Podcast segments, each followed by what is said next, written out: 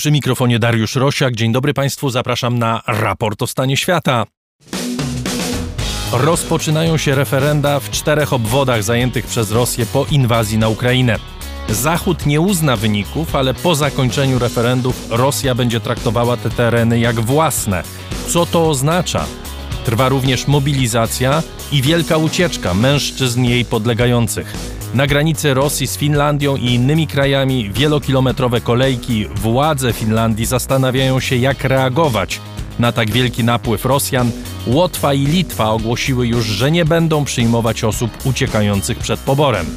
We Włoszech wybory powszechne, na czele sondaży koalicja partii prawicowych, która chce bronić tradycyjnej rodziny, zablokować Włochy przed migrantami i wprowadzić podatek liniowy, a jej liderką jest jedna z najbardziej charyzmatycznych postaci europejskiej polityki. Komisja Europejska proponuje zawieszenie wypłat około 7,5 miliarda euro funduszy unijnych dla Węgier w związku z podejrzeniami o korupcję w wykorzystaniu środków. Czy tym razem Viktor Orban przegra rozgrywkę z Unią? W raporcie autor nowej książki na temat Węgier. W Iranie krwawe zamieszki po śmierci 22-letniej kobiety zatrzymanej przez tzw. Tak policję do spraw moralności. W 80 miastach ludzie wychodzą na ulice protestując przeciwko władzy. Jak Chiny budują swoją potęgę i wpływy w Europie, również w Europie Środkowo-Wschodniej. W programie rozmowa z autorką nowej książki na ten temat. To wszystko w raporcie o stanie świata 24 września 2022 roku. Raport o stanie świata to program finansowany przez słuchaczy, dzięki czemu jest on otwarty za darmo dla wszystkich, których interesuje świat i inni ludzie. Dziękuję bardzo za Państwa ofiarność, dziękuję za ciepłe słowa, które nieustannie do nas docierają. Są one dla nas wszystkich wielkim wsparciem i zachętą do pracy. Jeśli ktoś miałby ochotę dołączyć do grona patronów, zapraszam na mój profil w serwisie patronite.pl. Za jego pośrednictwem najłatwiej nas wesprzeć. Nasz adres raportrosiaka.gmail.com Adres naszej strony raportostanieświata.pl Adrian Bąk jest dziś wydawcą i nie tylko, jak się Państwo wkrótce zorientują, a Chris Wawrzak realizuje dźwięk programu. Tylko. I aż. Zaczynamy.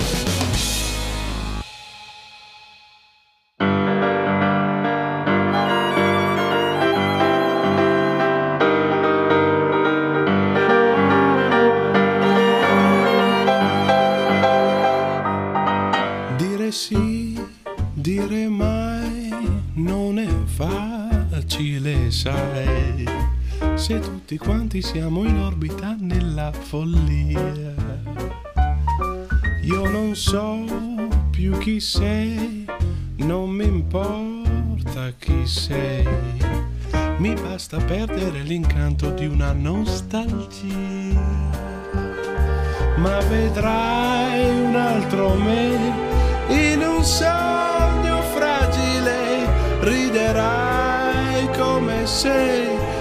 ti avessi amato mai, cercherai un altro me, oltre l'ombra di un caffè, troverai solo me. Se mi fermo un attimo io non so più chi sei.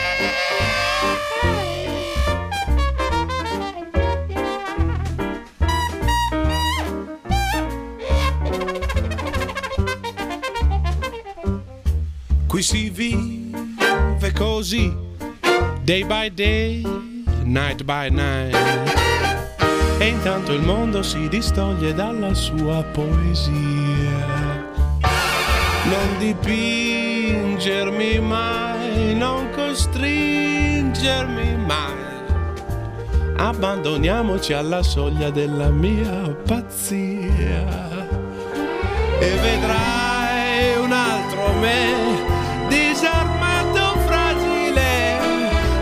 perché quello che sei non lo cambierei mai, neanche se fossi tu. Come il tempo a correr via, ma rimani con me, non mi perdo neanche un solo attimo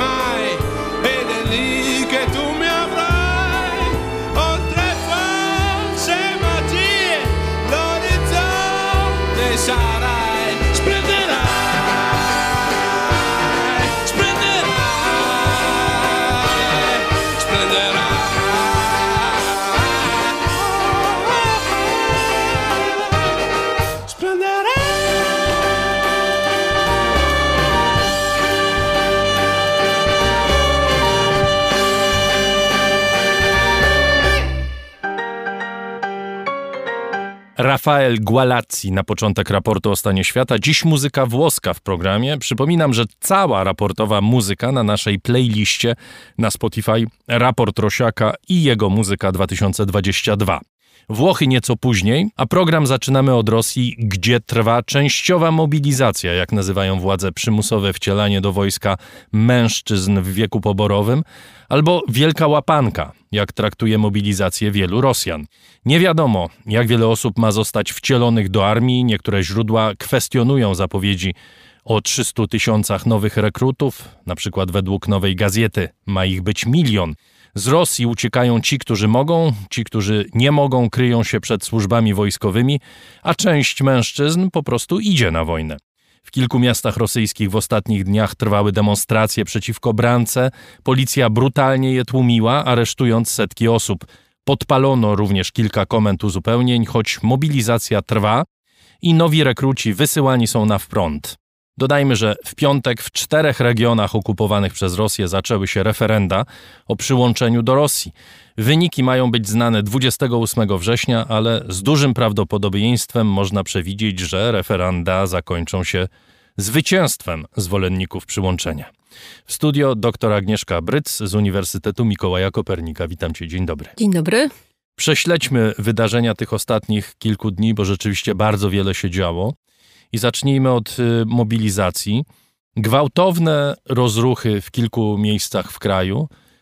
Chyba też może robimy to zwykle w, w, tym programie, być może też warto przy tej okazji, żebyśmy nie przesadzili. To znaczy, żebyśmy nie mówili o tym, że mamy masowy ruch protestu, bo chyba czegoś takiego nie ma. To znaczy, mamy mężczyzn posłusznie wchodzących do komisji uzupełnień. Co oni mają w głowie, tego nie wiemy, no ale ten pobór trwa. Rosjanie mówią, że pierwszego dnia udało im się y, wcielić 10 tysięcy żołnierzy. Być może kłamią, a być może nie kłamią. Być może mają kłopoty, ale nie ma masowych protestów. Czy się mylę? Nie, nie mylisz się, bo masowe protesty. Masowe protesty to były na Majdanie. Oczywiście. To coś takiego jest masowym protestem. Coś takiego jest masowym protestem. Tutaj mamy pewną demonstrację niezadowolenia i to w takiej fazie dosyć szczątkowej, bo ta liczba demonstrantów, która wyszła na ulicę, ona w niczym nie przypomina nawet tych protestów, do których swego czasu wzywał Nawalny. Pamiętamy, one miały miejsce w całej Rosji, w większości tych dużych miast i wychodziły tam od tysięcy po kilka, kilkanaście osób, a tutaj mamy wielokrotnie mniej. Co więcej, władze były naprawdę do tego przygotowane. One od rana zmobilizowały służby porządkowe, poszczególne rewiry centrów miast były obstawione, więc to, to nie jest tak, że to miało szansę od razu przerodzić się w spontaniczny, wielki taki zryw masowy Rosjan. I nie spodziewajmy się, że to w przeciągu kilku dni, czy w ogóle w najbliższym czasie przerodzi się w tą wielką społeczną rewolucję. Czy wiemy, jak ta mobilizacja przebiega? Mamy takie mhm. sygnały, że Putin koncentruje się na azjatyckiej części Rosji. Tak, ale to też nie do końca tak jest, bo my do końca nie wiemy, chociaż ponoć wyciekł spis 300 tysięcy nazwisk rezerwistów, ale rosyjscy dziennikarze już podważają prawdziwość tej listy.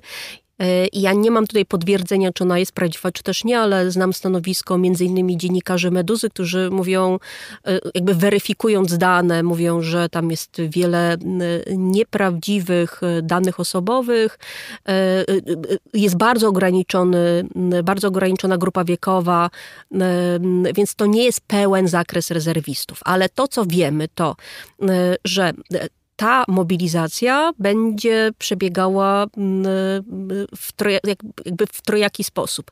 Będziemy mieli pierwszą fazę mobilizacji do 10 października, drugą do 25 i trzecią, czyli tą ostatnią, do 10 listopada. I już po nagraniach, które wyciekły z tych punktów mobilizacyjnych, wiemy, że przewidziane jest, przewidziane są trzy dni takiej, prawda, tej branki, później trzy tygodnie szkolenia, a później przydział do jednostek i ewentualnie wyjazd na front. To jest w tym momencie taki trochę turbo przyspieszony format, bo zwyczajowo mobilizacja i wysyłka na front to była kwestia kilku miesięcy.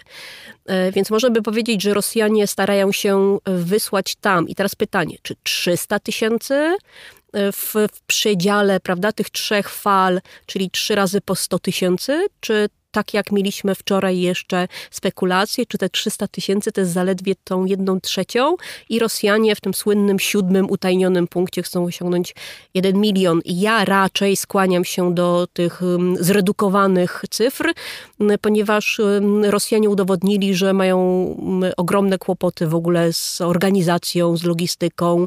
I dzisiaj wygląda faktycznie mobilizacja w sposób taki spektakularny, no ale pytanie, czy ona czy, czy Rosjanie dowiozą założone, założone poziomy mobilizacji, czy też, czy też uda się, czy inaczej, czy wygra to, co od, od dawna rządzi Rosją, czyli korupcja. Przykład y, Nikołaja mm, Pieskowa, czyli syna Dmitrija Pieskowa, rzecznika Kremla, czy wielu z nich uda się wykupić y, z mobilizacji, bo Pamiętajmy, Rosjanie od lat nauczeni są tego, jak unikać poboru do armii, jak korumpować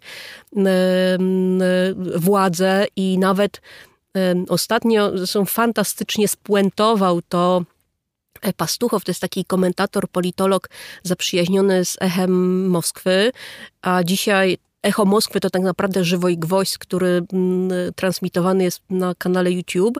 I tam Pastuchow e, wczoraj czy przedwczoraj powiedział, że on się spodziewa raczej tego, że e, będzie taka e, wymiana posiadłości na rublowce i pojawią się nowi właściciele i będą to z pewnością przedstawiciele sektorów siłowych, zwłaszcza tych, którzy zarządzają mobilizacją. Kto odmawia służby? Kto ucieka za granicę? Dzisiaj ucieka e, każdy, kto może, bo to jest ta pierwsza reakcja, taka spontaniczna, wywołana strachem. Ale każdy, kto może, to już jest ograniczona tak. grupa ludzi, prawda? Tak. Nie wszyscy mogą, nie wszyscy mają tak. samochody, nie wszystkich stać. Tak. Uciekną ci, którzy których... są najbardziej przedsiębiorczy i którzy mają pieniądze. I którzy mają pieniądze, dokładnie. E, uciekają w każdy możliwy sposób, natomiast e, władze i eksperci mówią, że to nie jest takie proste dzisiaj uniknąć mobilizacji, ponieważ prawo mówi wprost, że e, nawet jeżeli dana osoba, czyli potencjalny rezerwista wyjechał za granicę, to jeżeli została wystawiona tak zwana pawiestka, czyli taka zajawka, to oficjalne wezwanie do stawienia się w komendzie uzupełnień, to nawet jeżeli ta osoba jest poza granicami państwa, to ona w ciągu trzech dni musi wrócić. Inaczej każdemu unikającemu mobilizacji grozi 15 lat więzienia. Więc oni wiedzą, jakie są kary i ja mam wrażenie, że mm, za moment będzie takie przesilenie w drugą stronę, czyli ci, którzy myśleli o ucieczce, o wyjeździe, zdadzą sobie sprawę z tego, że to nie jest takie proste, że jednak nie unikną poboru. Co więcej, nawet jeżeli będą chcieli wyemigrować wewnątrz kraju, czyli prawda, udać się w jakieś takie mało znane, dostępne miejsca, przekoczować, oczywiście przetrwać w jakikolwiek sposób, to pamiętajmy i tutaj także władze przestrzegają, że um, władze mogą w każdej chwili namierzyć e, każdego, którego, który znajduje się na liście mobilizacji, ponieważ tak służby wewnętrzne, jak i FSB ma dostęp do danych bankowych, do geolokalizacji kart płatniczych, więc nie ma specjalnie możliwości, jeżeli władze się uprą, uniknięcia mobilizacji, więc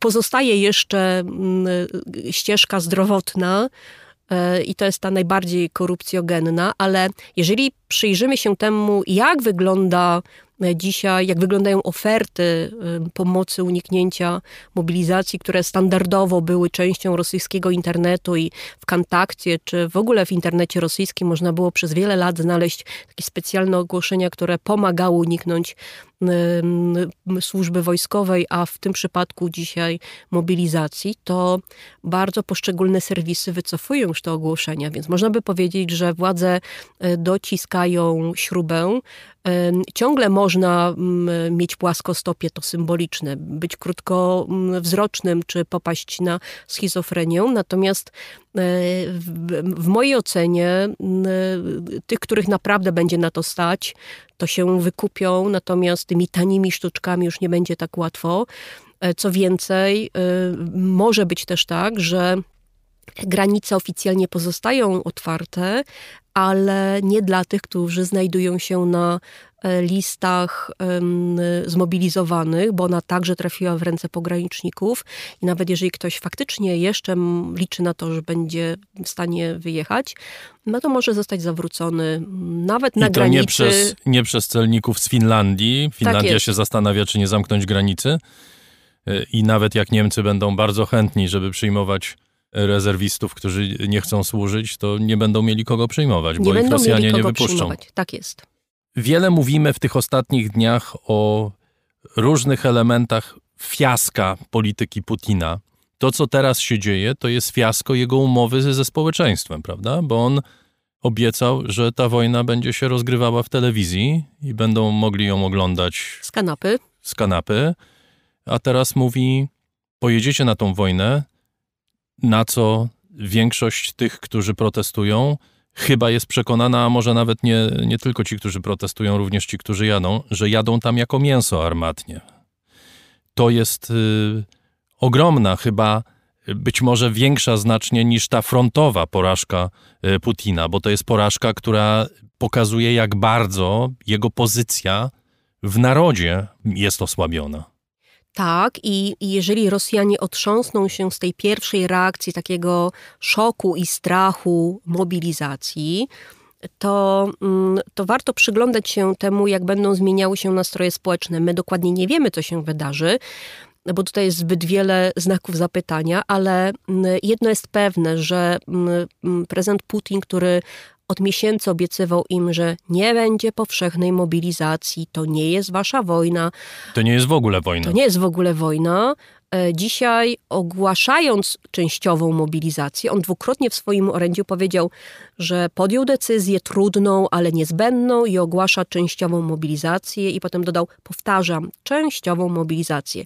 I teraz Rosjanie, którzy żyją w kraju, w który, który nauczył ich nie wierzyć um, um, władzom, a w zasadzie wierzyć tylko zdementowanym komunikatom władz, Czyli jeżeli prezydent mówił, że dwukrotnie. To jest tylko częściowa mobilizacja, to już natychmiast była dla nich informacja i potwierdzenie tego, że nic takiego nie ma miejsca, że to będzie prawdziwa, powszechna mobilizacja, tak jak i wojną ma nie być specjalna operacja, tak, e, tak częściowa mobilizacja faktycznie jest e, e, tą powszechną, tylko tyle, że prezydent Putin unika nazwania rzeczy po imieniu, czyli nie musi ogłaszać stanu wojny, a w zasadzie realizuje to wszystko, co, co, o czym mówi ustawa o mobilizacji powszechnej. To nie jest prosta sytuacja do oceny. Mówię o dylemacie Finlandii, która chce zamknąć granicę, mówię o takiej postawie można powiedzieć zupełnie innej, Niemiec, Litwa i Łotwa nie mają żadnych dylematów, po prostu powiedziały te kraje, że nie będą przyjmować rezerwistów. Zaczynamy na nich patrzeć jak na ofiary wojny, ale to są ludzie, którzy nie protestowali, nie uciekali z kraju, kiedy Rosjanie zabijali Ukraińców, do tej pory ich zabijają. Uciekają tylko dlatego, że nie mogą już tej wojny oglądać w telewizji, tylko muszą w niej uczestniczyć. Dopiero wtedy e, stać ich było na jakikolwiek gest. E, będą teraz musieli zabijać albo będą musieli zginąć. Nikt tego nie chce. To jest oczywiste. Ale od jakiegoś czasu wiedzą, na czym polega sytuacja e, w Ukrainie. To nie jest początek wojny, kiedy jeszcze część ludzi mogła być oszołomiona, mogła nie wiedzieć, mogła mieć trudność z dostępem do źródeł. W tej chwili wszyscy wiedzą, jak to wygląda.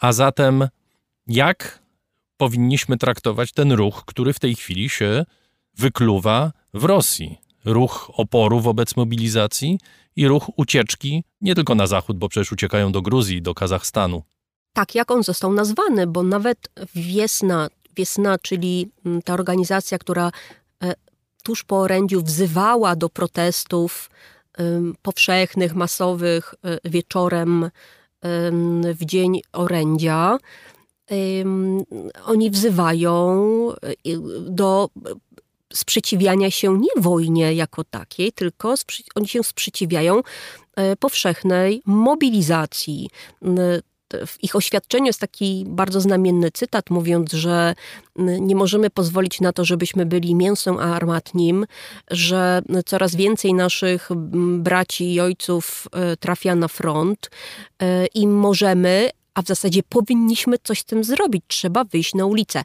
Nie było dokładnie takich wezwań wtedy, kiedy Rosja napadała na Ukrainę. I ci sami um, aktywiści, ja nie chcę powiedzieć, że wszyscy, bo to też byłoby niesprawiedliwe, ale w swojej takiej większościowej masie milczeli, kiedy wyszła, wyszły na jaw morderstwa i masakra w Buczy i nie robiły na nich wrażenia zdjęcia, które przypominały ludobójstwo, a były to zdjęcia z terenów okupowanych przez Rosjan. I to samo się dzieje przy okazji Izjumu i innych tak jest. miejsc. Więc problem polega na tym, że e, dylemat my jako Zachód mamy taki, że z jednej strony widzimy, że to jest taka moralność Kalego, czyli jak bić jak umierali Ukraińcy, to tutaj bardzo upraszczam, to wszystko było ok, natomiast jeżeli um, trzeba, mam ja albo ktoś z mojej rodziny ma pojechać na front, czyli być mięsem armatnim, to już nie jest ok. Czyli problem dla części przynajmniej tych protestujących nie polega na tym, że jest wojna, tylko że ta wojna źle przebiega że, ta że na tą wojnę trafiają. Znaleźliśmy się w takiej sytuacji, że no niestety nie da się, my, my zostajemy wciągnięci w to. to. I to jest niesprawiedliwe. Tak, generalnie tak jest. Natomiast te środowiska, które od samego początku protestowały w kategoriach antywojennych, to one zostały skutecznie spacyfikowane, zamknięto im usta. Dziennikarze, którzy nawoływali do sprzeciwu wobec wojny, dzisiaj albo siedzą w kolonii karnej, albo są, e, albo wyjechali za granicę E, więc my mamy dylemat taki mocno humanitarny, chyba przed tym dylematem stanęli Niemcy, zachowali się ultrahumanitarnie, ale można by powiedzieć, że ja nie jestem pewna, czy to nie jest syndrom sztokholmski w, w ich przypadku. No ale z drugiej strony, jeżeli poczekamy i zobaczymy, do jakich wniosków dojdą Rosjanie? Czy oni się po prostu poddadzą i będą pasywnie e, dać się wysyłać na front, bo takie obrazki widzimy w relacjach, no to, to będzie ten moment, w którym będziemy wiedzieli, czy dadzą sobie złapa, złamać kręgosłup e, i pokornie dają się, dadzą się zabić na froncie, czy też jednak e, będą protestować i żądania zmienią się od tych antymobilizacyjnych, e, czyli jak Wiesna mówiła, antymogiłowych, aż po antywojenne, być może antyrządowe. Zobaczymy, ale to jest kwestia najbliższych tygodni. Ciekawa sprawa z wymianą jeńców. Właściwie dwie wymiany miały miejsce. Jedna wynegocjowana przez władcę Arabii Saudyjskiej księcia Mahomeda bin Salmana, druga przez Turcję. Obie bardzo interesujące z politycznego, również ludzkiego, czysto ludzkiego punktu widzenia. I najpierw y, popatrzmy na tę saudyjską, bo dzięki y, następcy tronu wróciło do domu dziesięciu więźniów, żołnierzy obcokrajowców, w tym pięciu Brytyjczyków. To pokazuje chyba, jak pozycja Mohameda bin Salmana jest silna również w stosunkach z Putinem. Oni się znają od y, dawna i są, no nie wiem czy przyjaciółmi, no w każdym razie cenią się najwyraźniej. Tak, i to nam także pokazuje, dlaczego mm, tak bardzo krytykowany Biden, jego żółwik z MBS-em y, miał sens. Y, ale tutaj doświadczamy tego, czym, co, co my już obserwujemy od, mm, nie chcę powiedzieć od dawna, ale jakby podczas tej wojny to się wy, wykształciło i jest bardzo wyraźne. Arabia Saudyjska, Turcja to są te państwa, e, a także kilka innych, które się mocno wyemancypowały e, w, w, polityce, e, nie tylko w stosunku do Rosji, ale także w stosunku do Stanów Zjednoczonych. I to są ci gracze, MBS między innymi. MBS, czyli Mohammed, Mohammed bin Salman, Salman mhm. tak, którzy są w stanie nawet e, siedząc okrakiem na płocie, prawda, bo to im często zarzucamy, odegrać jakąś konstruktywną rolę, a my wiemy, że wymiana więźniów tutaj była absolutnie e, sprawą jedną z ważniejszych. Dla Putina to jest ważne, to jest gest trudny, bo on został za to szalenie skrytykowany przez swoich przez tą frakcję ultranacjonalistów, Girkinów, y, to są to jest to środowisko weteranów ym, i takich turbopatriotów, którzy Ale to chyba głównie to krytyka dotyczy tej Azowców, drugiej tak wymiany, tak prawda? To znaczy, to powiedzmy, bo to jest rzeczywiście coś niebywałego. Oni się zgodzili oddać ponad 200 żołnierzy, żołnierek ukraińskich w tym członków pułku Azow. I tych prawda? dowódców, tych słynnych dowódców, dowódców, którzy są bohaterami narodowymi e, w Ukrainie w tej chwili i są i zawsze byli faszystami, nacjonalistami, banderowcami, archetypami tych postaci I to oni mieli w propagandzie siedzieć, rosyjskiej. Tak jest. I oni mieli siedzieć w tych skrzynkach przygotowywanych e, w Mariupolu, mieli być, e, mieli być pokazowo osądzeni. O czym to świadczy? No, świadczy to o tym, że prezydent Putin, przynajmniej to w mojej ocenie wygląda tak, że zdecydował się na gest dobrej woli i na wyciągnięcie ręki z pewnym prezentem dla Zachodu, czyli wymianą trudnych jeńców, bo tutaj narażając się na, na krytykę ultranacjonalistów, to nie jest byle krytyka, bo to są wszystkie naprawdę środowiska wojskowe, łącznie ze środowiskami takimi narodowymi, nacjonalistycznymi, czyli tymi, które od dawna mówią, panie prezydencie, wojna na froncie dzieje się bardzo źle i to pan pan i pana generowie za to odpowiadają. I tutaj jeszcze dochodzi coś na kształt, oczywiście propaganda rosyjska to chwali, ale dochodzi do tego coś na kształt takiej, prawda, takiego rozczarowania, swoistej zdrady, bo jakże można byłoby tych faszystów, mm, tutaj cudzysłów, neonazistów, tak zwanych azowców, oddać nie szeregowych, ale, prawda, tą piątkę gwiazd, których mm, zdjęcia oglądali, oglądał cały świat, e, kiedy poddawali się, e, w, oddawali się w niewolę Rosjanom. No dobrze, to gest dobrej woli to trochę za mało, to znaczy... A nie, nie, nie, nie, to nie jest za mało. I wystarczy w nie. przypadku Putina? Nie, to gest dobrej woli to trochę taki prezent. To nie jest polityk, który, że tak powiem, oferuje gesty dobrej woli i traktuje to jako przedmiot polityki, a, a przynajmniej rzadko. A właśnie, i to jest słowo klucz, rzadko, czyli mm, popatrzmy na to w ten sposób.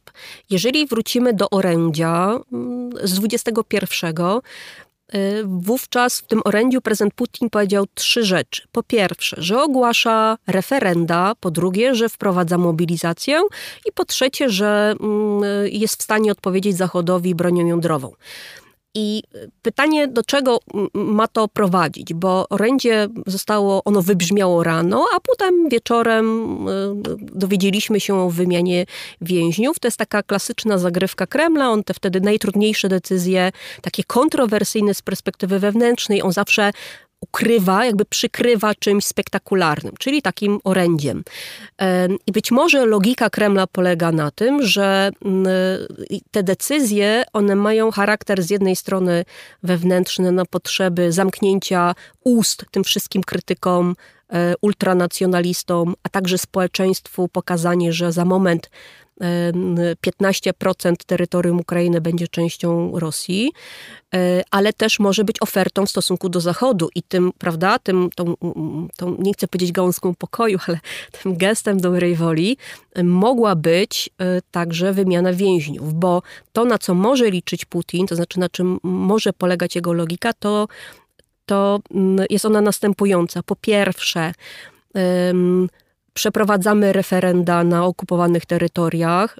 On już przyznał w, w orędziu, że absolutnie Rosja uzna ich e, wyniki, więc można by powiedzieć, że to jest ta karta, którą będzie próbował rozgrywać w stosunku do, do swojego społeczeństwa wkurzonego, sfrustrowanego i, i, i branego do wojska, do armii i wysyłanego na front.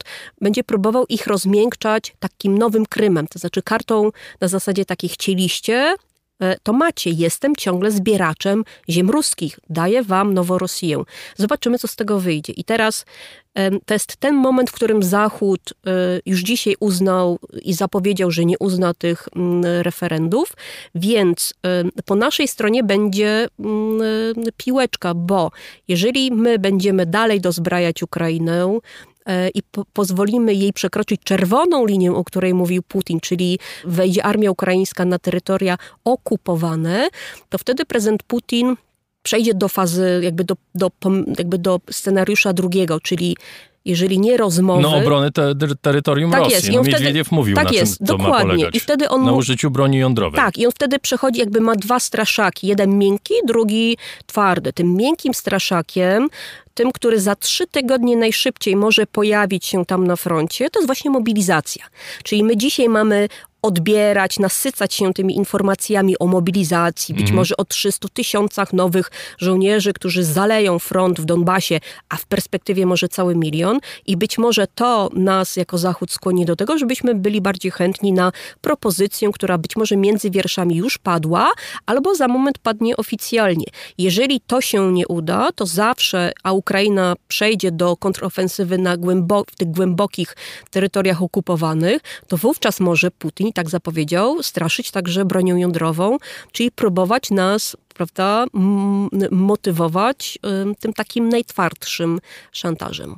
Cztery regiony, Doniecki, Ługański na wschodzie, Hersoński, Zaporowski na południu, organizują referenda, one się chyba już odbywają. Tak. I wiadomo, że to jest farsa, wszyscy wiedzą. Putin to wie, Zachód to wie, Ukraińcy to wiedzą, ludzie, którzy mieszkają na tym terytorium to wiedzą. Jak te referenda będą przebiegać, one jednak muszą się odbyć. To znaczy, ktoś musi zostać zagoniony do tych punktów głosowań, prawda? Ktoś musi oddać głos.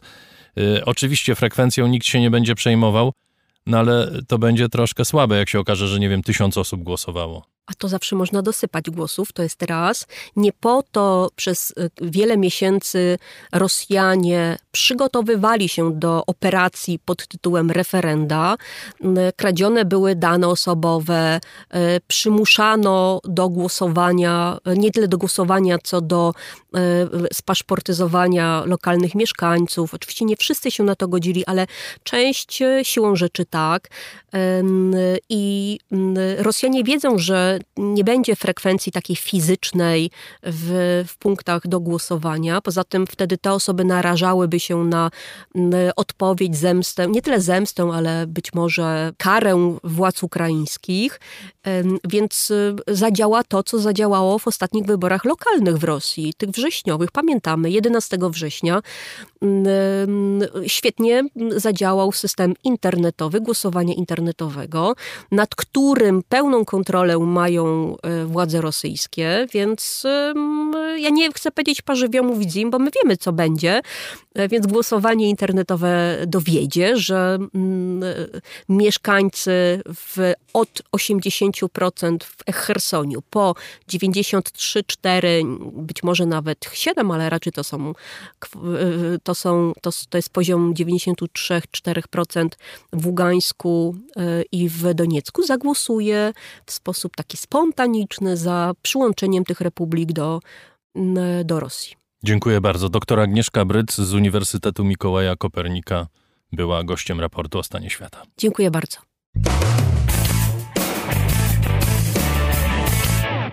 Co najmniej 30 osób zginęło w protestach w Iranie, które wybuchły po śmierci 22-letniej irańskiej kurdyjki Masy Amini. To są dane jednej z irańskich organizacji praw człowieka. Amini została zatrzymana w Teheranie przez tak zwaną policję do spraw moralności za niedostateczne zakrycie głowy, co jest prawnym nakazem w Iranie. Według rodziny Amini została dotkliwie pobita y, w samochodzie policyjnym, potem zasłabła w areszcie i po trzech dniach w śpiączce zmarła w szpitalu. Policja zaprzecza, twierdząc, że kobieta cierpiała na schorzenie serca, które spowodowało jej śmierć. Na ulicę wyszły setki, tysiące Irańczyków. Kobiety paliły hijaby, domagały się zniesienia zakazu noszenia nakrycia głowy i luźnego stroju. Padały też hasła antyrządowe. Jest z nami Ludwika Włodek, publicystka, pisarka, również wykładowczyni Uniwersytetu Warszawskiego, specjalistka od krajów Azji Środkowej. Witam panią. Dzień dobry. Mamy dwie wersje wydarzeń. Jedna z nich jest znacznie bardziej prawdopodobna, zwłaszcza jak się widzi zdjęcia masy Amini w szpitalu. Czy można liczyć na uczciwe dochodzenie w tej sprawie? Nie, oczywiście, że nie można liczyć na uczciwe dochodzenie, y, co już widać po tym, jak się zachowuje rząd irański. Y, pod naporem protestów i oczywiście opinii międzynarodowej, prezydent Iranu Ebrahim Raisi, który przemawiał na Zgromadzeniu Narodów Zjednoczonych w Nowym Jorku obiecał, że y, zostanie wszczęte śledztwo, żeby wyjaśnić y, przyczyny śmierci Mahso Amini. Ale y, no, już po tym, jak się zachowują, na przykład, że aresztowano dziennikarkę, która jako pierwsza pojechała do tego szpitala Kasri, rozmawiała z rodziną dziewczyny w czasie, kiedy ona jeszcze leżała w śpiączce i ta dziennikarka została e, aresztowana, nie wiadomo co się z nią dzieje. Aresztowane są kolejne osoby, które e, rodziny z nimi w ogóle nie mają kontaktu. Mm, szpitalowi, który na początku poinformował, że Mahso była w stanie nie, nie wskazującym oznak życia, jak przyjechała do szpitala, a później kazano im się wycofać z tego oświadczenia. Nie reaguje się na apele niezależnych lekarzy, którzy y, nawet po zdjęciach jej y, ze szpitala w śpiączce są w stanie rozpoznać, że najprawdopodobniej została po prostu uderzona w głowę, bo miała krwawienie z ucha, miała mm, podkrążone oczy w taki charakterystyczny sposób. No, to wszystko wskazuje, że rząd tak naprawdę nie chce wyjaśnienia tej sprawy. Irańczycy Iranki zwłaszcza od 1979 roku, czyli praktycznie od powstania Republiki Islamskiej, regularnie protestują przeciwko nakazowi noszenia hijabu, zakrywania również e, innych części ciała, noszenia luźnego ubioru przez kobiety. Czy skala tych protestów jest znacząco większa w porównaniu z poprzednimi tego typu protestami? Trudno powiedzieć. Tak naprawdę to ten protest teraz, moim zdaniem, nie jest tylko i wyłącznie protestem w sprawie hijabów. To jest protest, w którym gromadzi się cały żal i całe poczucie upokorzenia, jakie społeczeństwo irańskie ma w sobie od wielu, wielu lat. Ja przypominam, że mieliśmy do czynienia z falą protestów na przełomie 2017 i 2018 roku. Później były protesty w 2019-2020. Tamte protesty to były protesty głównie z przyczyn ekonomicznych, z, po, z powodu podwyżek cen żywności, z powodu podwyżek cen benzyny. Y, w tej chwili takim punktem zapalnym była ta śmierć Amini, mm, ale tak naprawdę wydaje mi się, że chodzi przede wszystkim o to, że obywatele Iranu mają poczucie, że to państwo po prostu działa nie na ich korzyść, a przeciwko nim. I to, że na początku powiedzieliście Państwo, że y, hasła antyrządowe, no to jest mało powiedziane. Tam są wznoszone hasła w ogóle przeciwko całemu ustrojowi. Kiedy protestujący krzyczą precz z dyktatorem, to kogo mają na myśli? Nie tylko precz dyktatorem, krzyczą też precz z Republiką Islamską, co już jest dużo większym y, kolejnym krokiem. Oczywiście krzycząc precz z dyktatorem mają na myśli y, najwyższego przywódcę, czyli Alego Khamenei, który tak naprawdę jest głównym rozdającym karty w Iranie i, i, i rządzącym tym krajem. Natomiast y, do tej pory było tak, że wiele osób uważało, że Republika Islamska tak, wypaczenia nie, że tak to przeniosę na, na polski grunt. Natomiast mam wrażenie, że w ciągu ostatnich kilku lat przybyło do tej grupy ludzi Y, którzy są przeciwnikami Islamskiej Republiki, bardzo wiele osób. I to osób z takich może mniej środ oczywistych środowisk, bo to już nie jest tylko wielkomiejska klasa średnia, która chciałaby zlikwidowania Republiki Islamskiej, ale to coraz częściej są ludzie mieszkający na prowincji, ludzie wywodzący się z takich bardziej tradycyjnych środowisk. Po prostu wszyscy widzą, że ten skorumpowany system, w którym właściwie ludzie z siłą i z pieniędzmi jakoś sobie radzą, natomiast prości, biedni ludzie są ofiarami tego państwa, no, wymaga zmian. Ja pytam o skalę tych protestów, dlatego że oczywiście, jak pani doskonale wie, regularnie tutaj na Zachodzie, przy jakichkolwiek protestach w Iranie, odzywają się takie głosy, że o, będziemy mieli wreszcie masowy ruch skierowany przeciwko właśnie Republice Islamskiej, to zwykle okazuje się znacząco przestrzelone i pewnie wiele tych ocen opiera się e, na tym, co e, mówią Irańczycy w Stanach Zjednoczonych, czy Irańczycy, którzy mają kontakty ze służbami e, zachodnimi. Czy to, co się teraz dzieje, może być zarzewiem czegokolwiek więcej? Mówi Pani o tym rozczarowaniu, o tej kompletnej degręgoladzie państwa e, irańskiego, ale czy to jest ten moment, który może e, mieć znaczenie dla całej historii tego kraju? Ja powiem tak, może, aczkolwiek nie musi.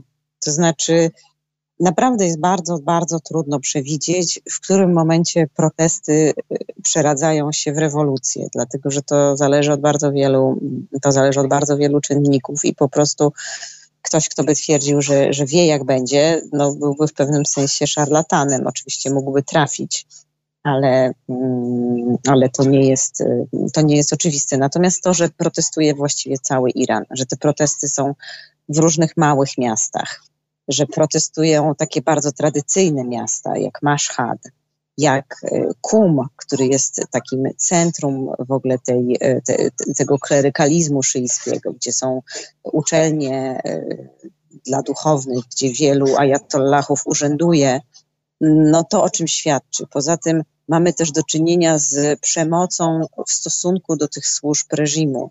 Już są potwierdzone przypadki dwóch śmierci tak zwanych Basiji. Basiji to są takie paramilitarne bojówki, które współpracują z Gwardią Rewolucyjną. Mm, I to są ludzie, którzy no jakby często są używani właśnie do tłumienia demonstracji. Oni jeżdżą na motorach, w cywilnych ubraniach.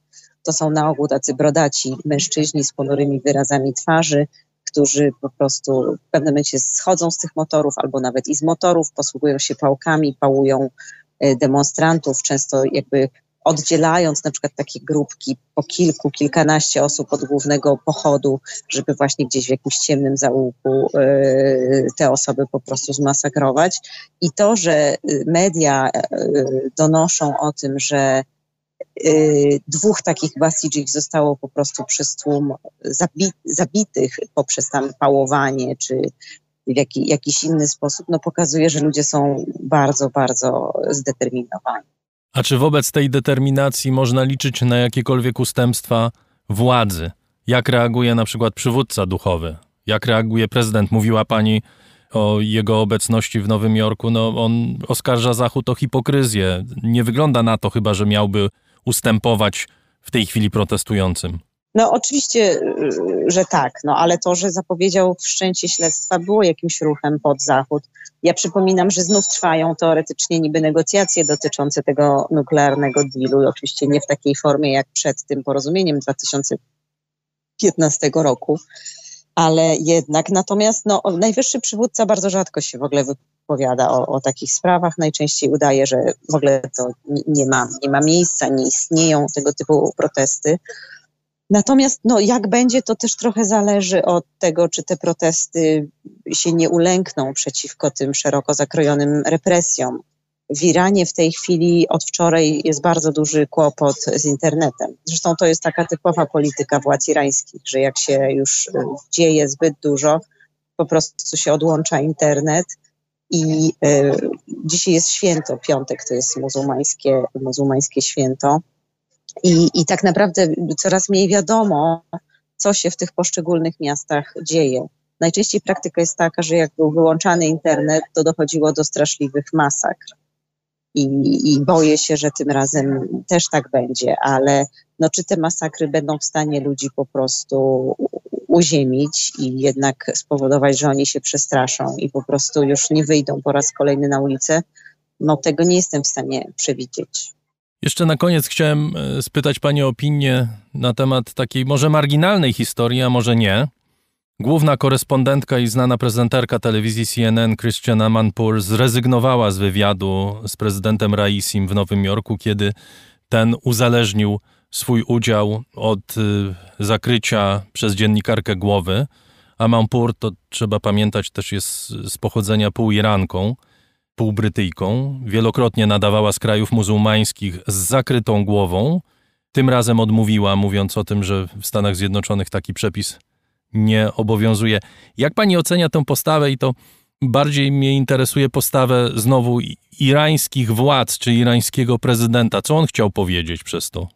No, chciał zademonstrować y, swoją siłę i bardzo mi się podoba, że Anandpur odmówiła przeprowadzenia tego wywiadu w Huście i y, całkowicie popieram mm, jej zachowanie.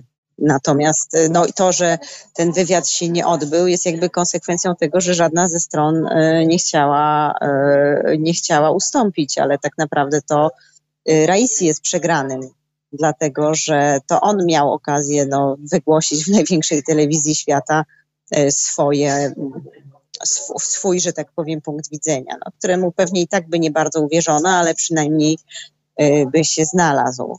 Y, tam, gdzie by się znalazł. A, a, a przez to, że odmówił y, tego wywiadu, no to, to nie dostał anteny.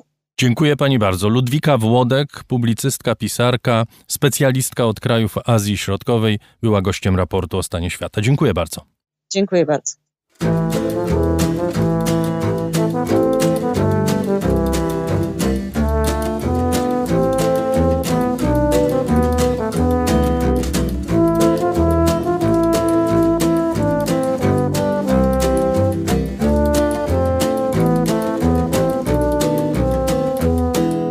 Una donna comprò il suo cappello per avere una smorfia riparata. Un vecchio stravecchio passandole accanto abbozzò un'espressione molto canuta ricordando un amore perduto, perduto in mezzo alla strada.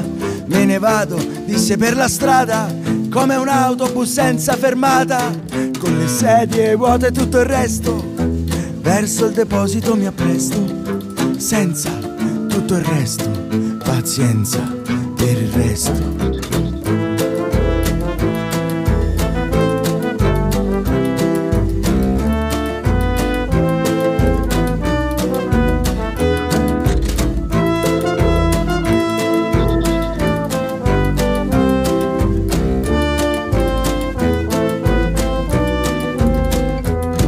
Le Moldave scoperte dal maestrale, quella sera cenarono in famiglia nella luce di un telegiornale, in mezzo ad un padre, una madre e una figlia, sulle briciole della tovaglia, i re maggi mangiavano a scrocco, un prete convinto dallo scirocco ripensò a quello che aveva fatto, che trovandosi sotto al giudizio né di un dio né di un tribunale, disse vino al vino, pane al pane, era meglio andare a puttane, nella giungla scomposta del letto una donna senza un difetto si incastrò dentro una ruga, scelse la morte come unica fuga.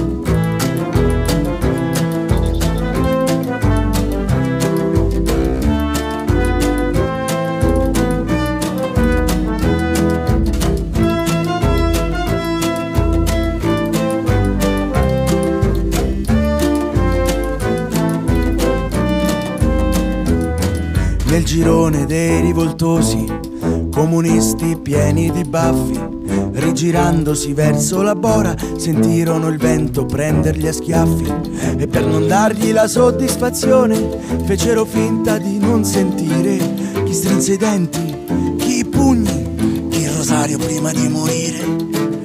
giovane marinaio nel mare che fa paura. Si travestì da scimmia ridente dentro all'ibeccio di una puntura. Si svegliò sopra uno scoglio a contemplare le proprie chele. Aspetto il vento, ma passo l'onda, tinse di lacrime tutte le vele.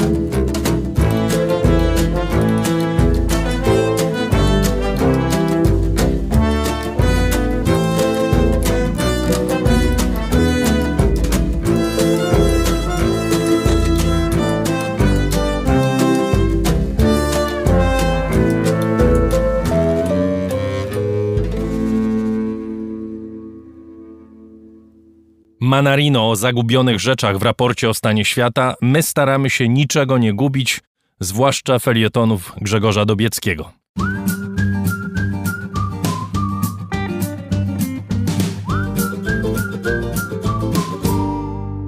Świat z boku dziś o piątym przykazaniu.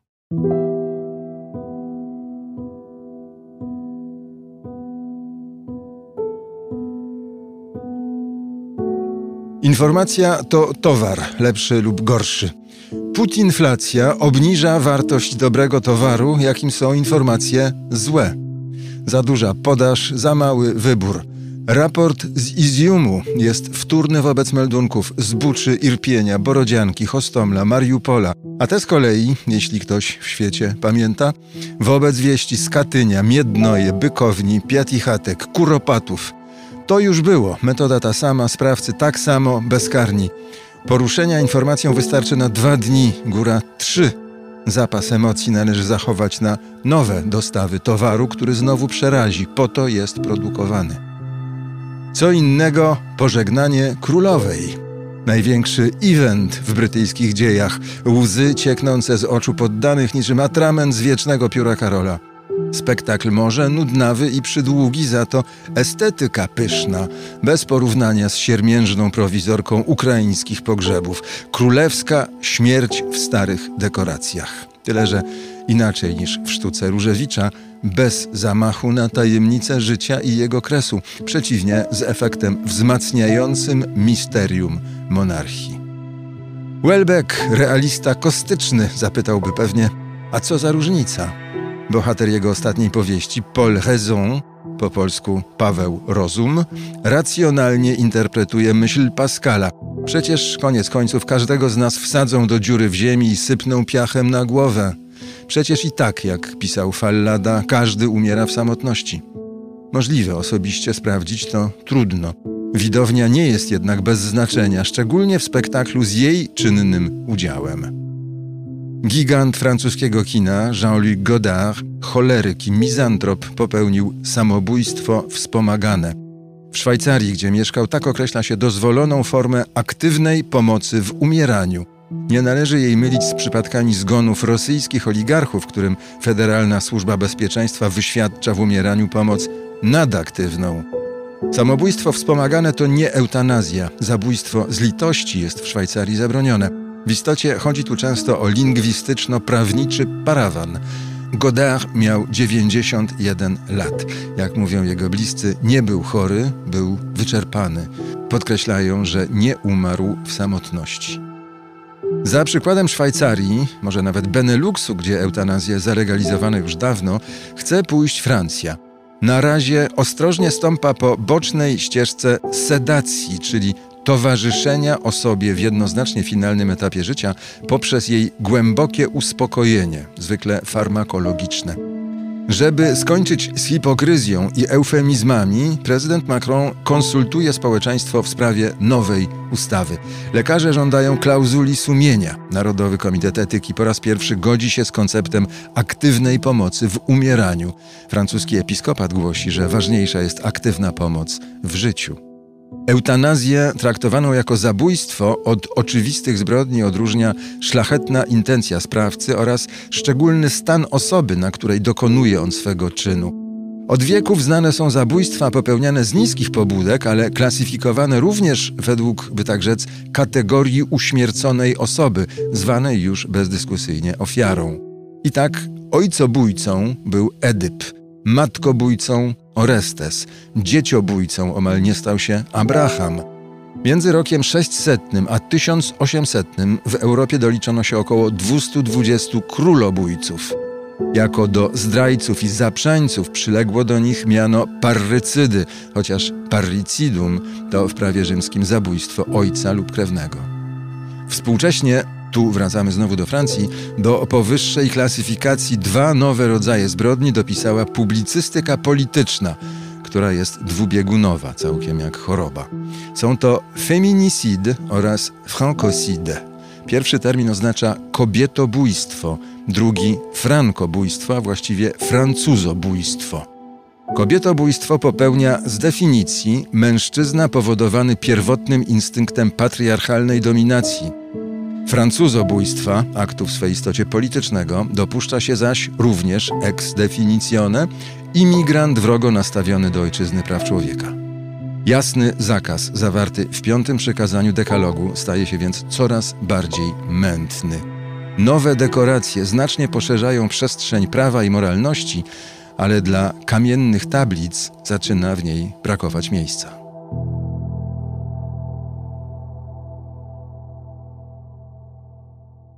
Węgry mają poważne problemy z Unią Europejską. Nie pierwszy raz. Zwykle Viktor Orban sobie z nimi radził. Zobaczymy, jak będzie teraz. W studio Adrian Bąk i jego znakomity gość. Gościem jest dr Dominik Hej, politolog, redaktor naczelny portalu .hu.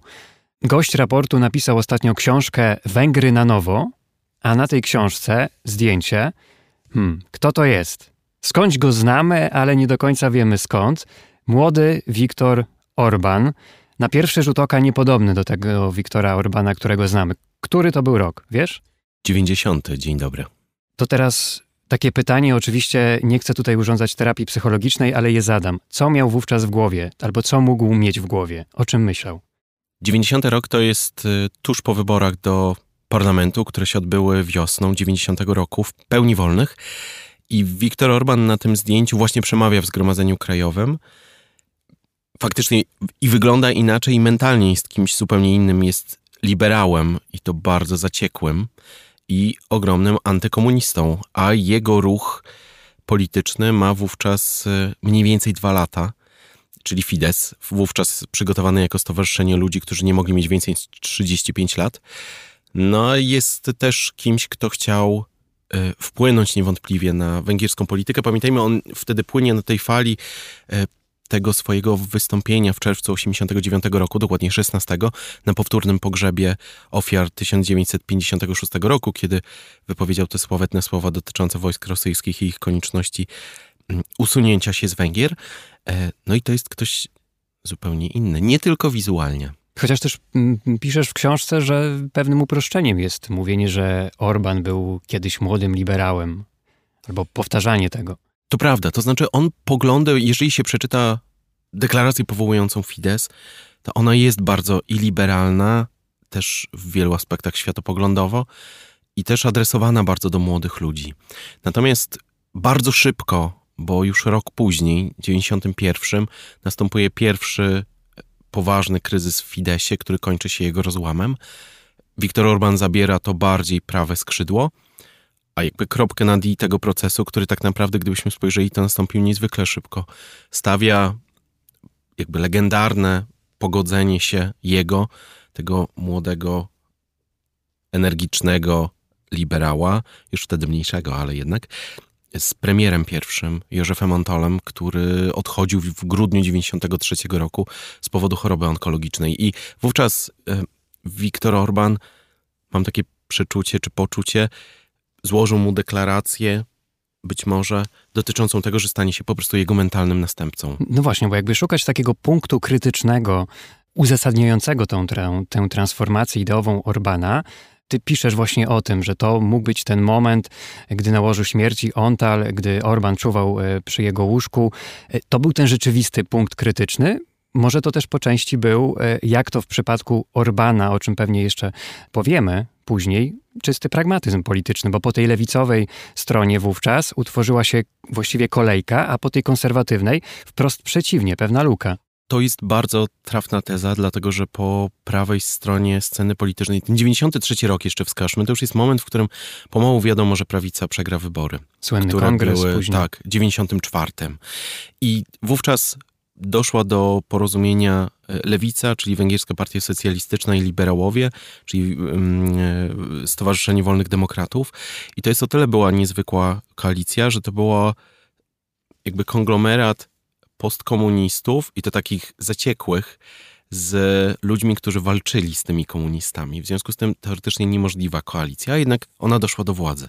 Natomiast po drugiej stronie sceny politycznej Antal przez pierwsze lata koalicji z innymi prawicowymi ugrupowaniami, bo tam było kilka wariantów, strasznie tę prawicę rozbił. W związku z tym faktycznie bez takiego silnego przywództwa, y, które po MDF-ie się pojawiło i takiego kryzysu, który zaraz nastąpił po stronie prawicowej, niewątpliwie łatwiej mu było się odnaleźć. Potem jak w 1991 roku jakby zadeklarował, że on jednak aż tak bardzo w liberalizm nie pójdzie i przeniesie się bardziej w stronę, w stronę prawicy. W związku z tym niewątpliwie to było, jakby realizując cel chęci wpływania na politykę, był to jeden z, z, jakby z kroków czy elementów tego, który miał się ułożyć do tej układanki. A to wtedy właśnie zaczęło się to programowanie Węgier na nowo? To był... Moim zdaniem nie. To jest 98 rok, kiedy Fidesz dochodzi do władzy, do 2002 roku.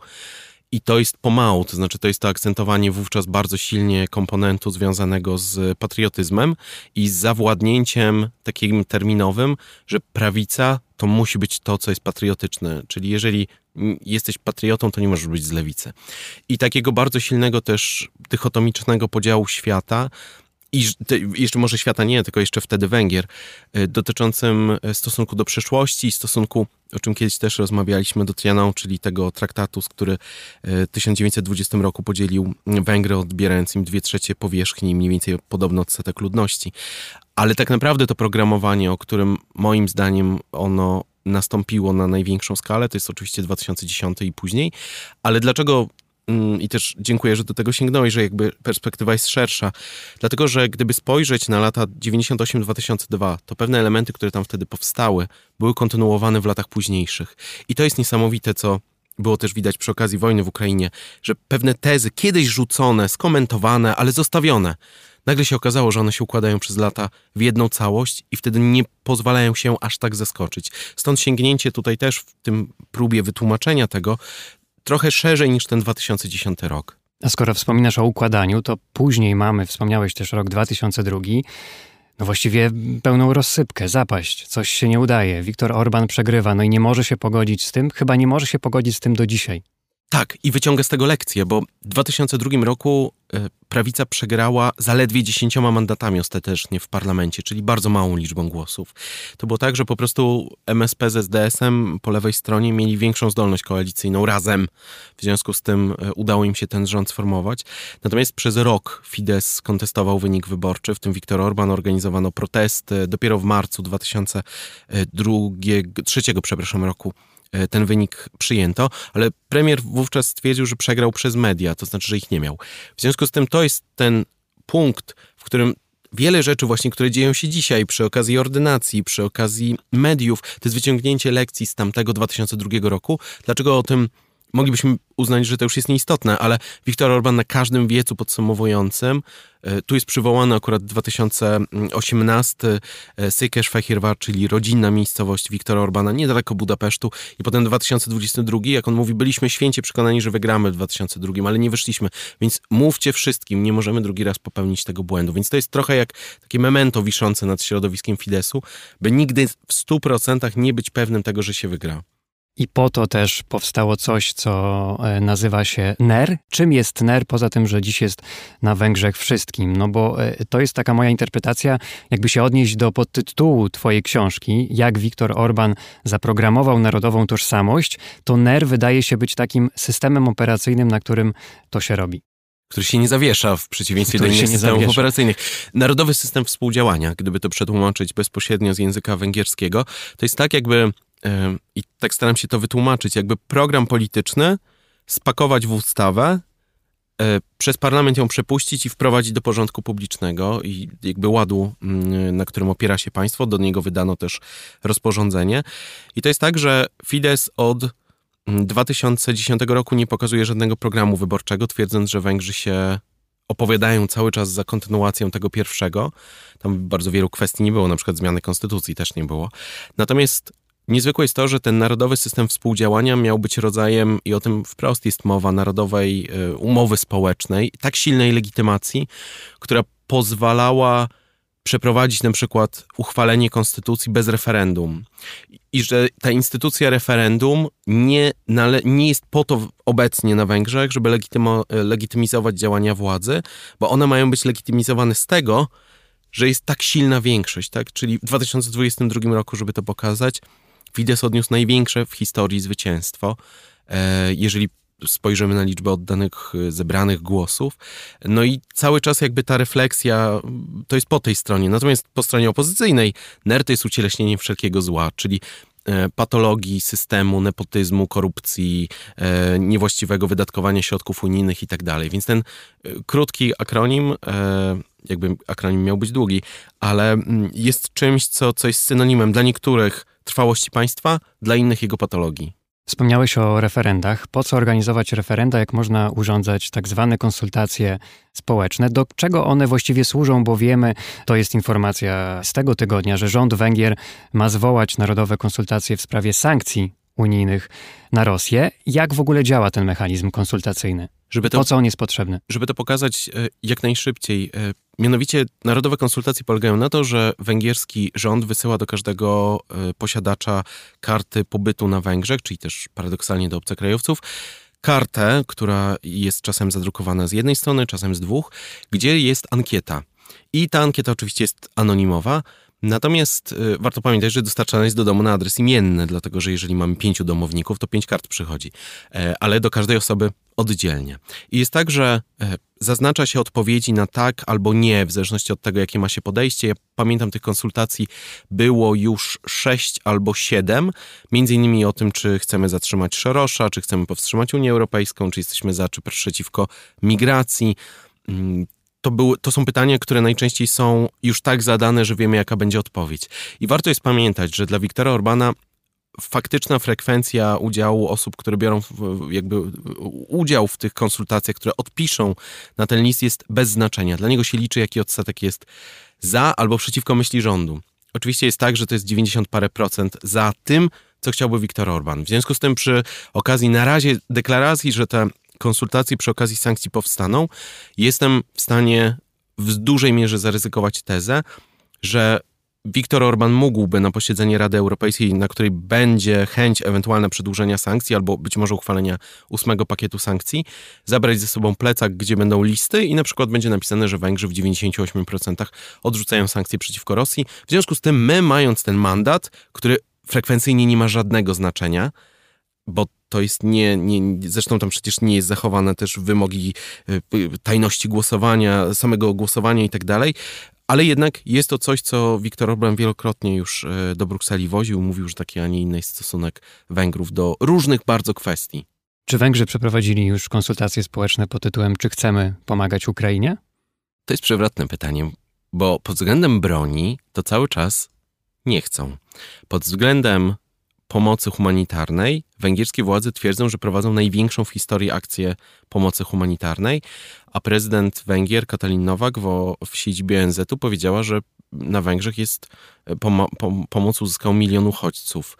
Pamiętajmy tylko, bo to zawsze będę z uporem maniaka przypominał, że Węgrzy liczą podwójnie, e, czyli nawet tych, którzy już dotarli do Rumunii przez granicę Ukrainy i Rumunii, liczą potem jeszcze na granicy Rumunii i Węgier. W związku z tym ta liczba po pierwsze będzie niższa i myślę, że to sporo. Po drugie, zgodnie z tym, co powiedział e, premier e, z marcu, a nigdy potem się żadna wypowiedź nie, nie pojawiła, 80% Ukraińców, którzy uciekli, uciekała dalej. W związku z tym ten odsetek, który by został na Węgrzech jest nieduży. Ale faktycznie jakiejś większej chęci do pomocy, albo żeby to był specjalnie główny temat dotyczący tego, co się dzieje w Ukrainie, to, to nie funkcjonuje.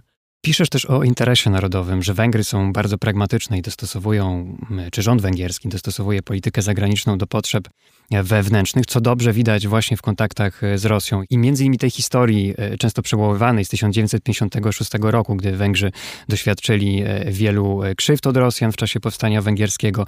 Gdzie kończy się ten interes narodowy w przypadku kontaktów z Rosją? Czy Orban ma jakieś czerwone linie dla Władimira Putina? Gdyby miał, to po 24 lutego musiałby zmienić jakkolwiek stanowisko do Rosji. Węgry, postawiłbym taką tezę, są jedynym państwem w Unii Europejskiej, które w ogóle nie zmieniło stosunku do Rosji. Ja zdaję sobie sprawę, że może nas nie satysfakcjonować podejście Niemiec albo Francji, ale jednak tam jakakolwiek debata się wykształciła. Natomiast na Węgrzech nie i rozmawiamy w dodatku w tygodniu, w którym Peter Sjarto jako jedyny minister spotkał się z Siergiejem Ławrowem w ONZ i to bodaj już po tym, kiedy Ławrow kłamał w sprawie wojny na forum Zgromadzenia Ogólnego ONZ-u. Natomiast obecnie Węgrzy moim zdaniem postawili wszystko na jedną kartę. Oni liczą na to, że Rosja wygra tę wojnę.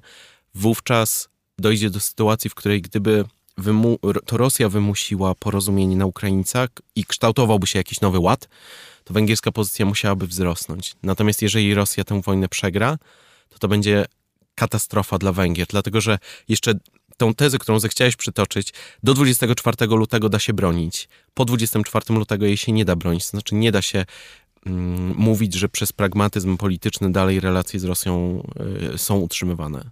Piszesz y, wiele o uproszczeniach w swojej książce, jakie mamy a propos Węgier, czy w ogóle obywateli tego kraju, ale z pewnością nie będzie uproszczeniem, jak powiem, że dla Węgrów y, ważna jest historia. Ty to o tej historii też piszesz, zresztą wspominałeś, że nowe pokolenie Węgrów y, no, żyje mitem Trianon, kultywowanym na, na wszelkich poziomach. Przypomnijmy traktat z Trianon podpisany w 1920 roku między Węgrami a państwami Ententy, w którym Węgry straciły dwie trzecie terytorium.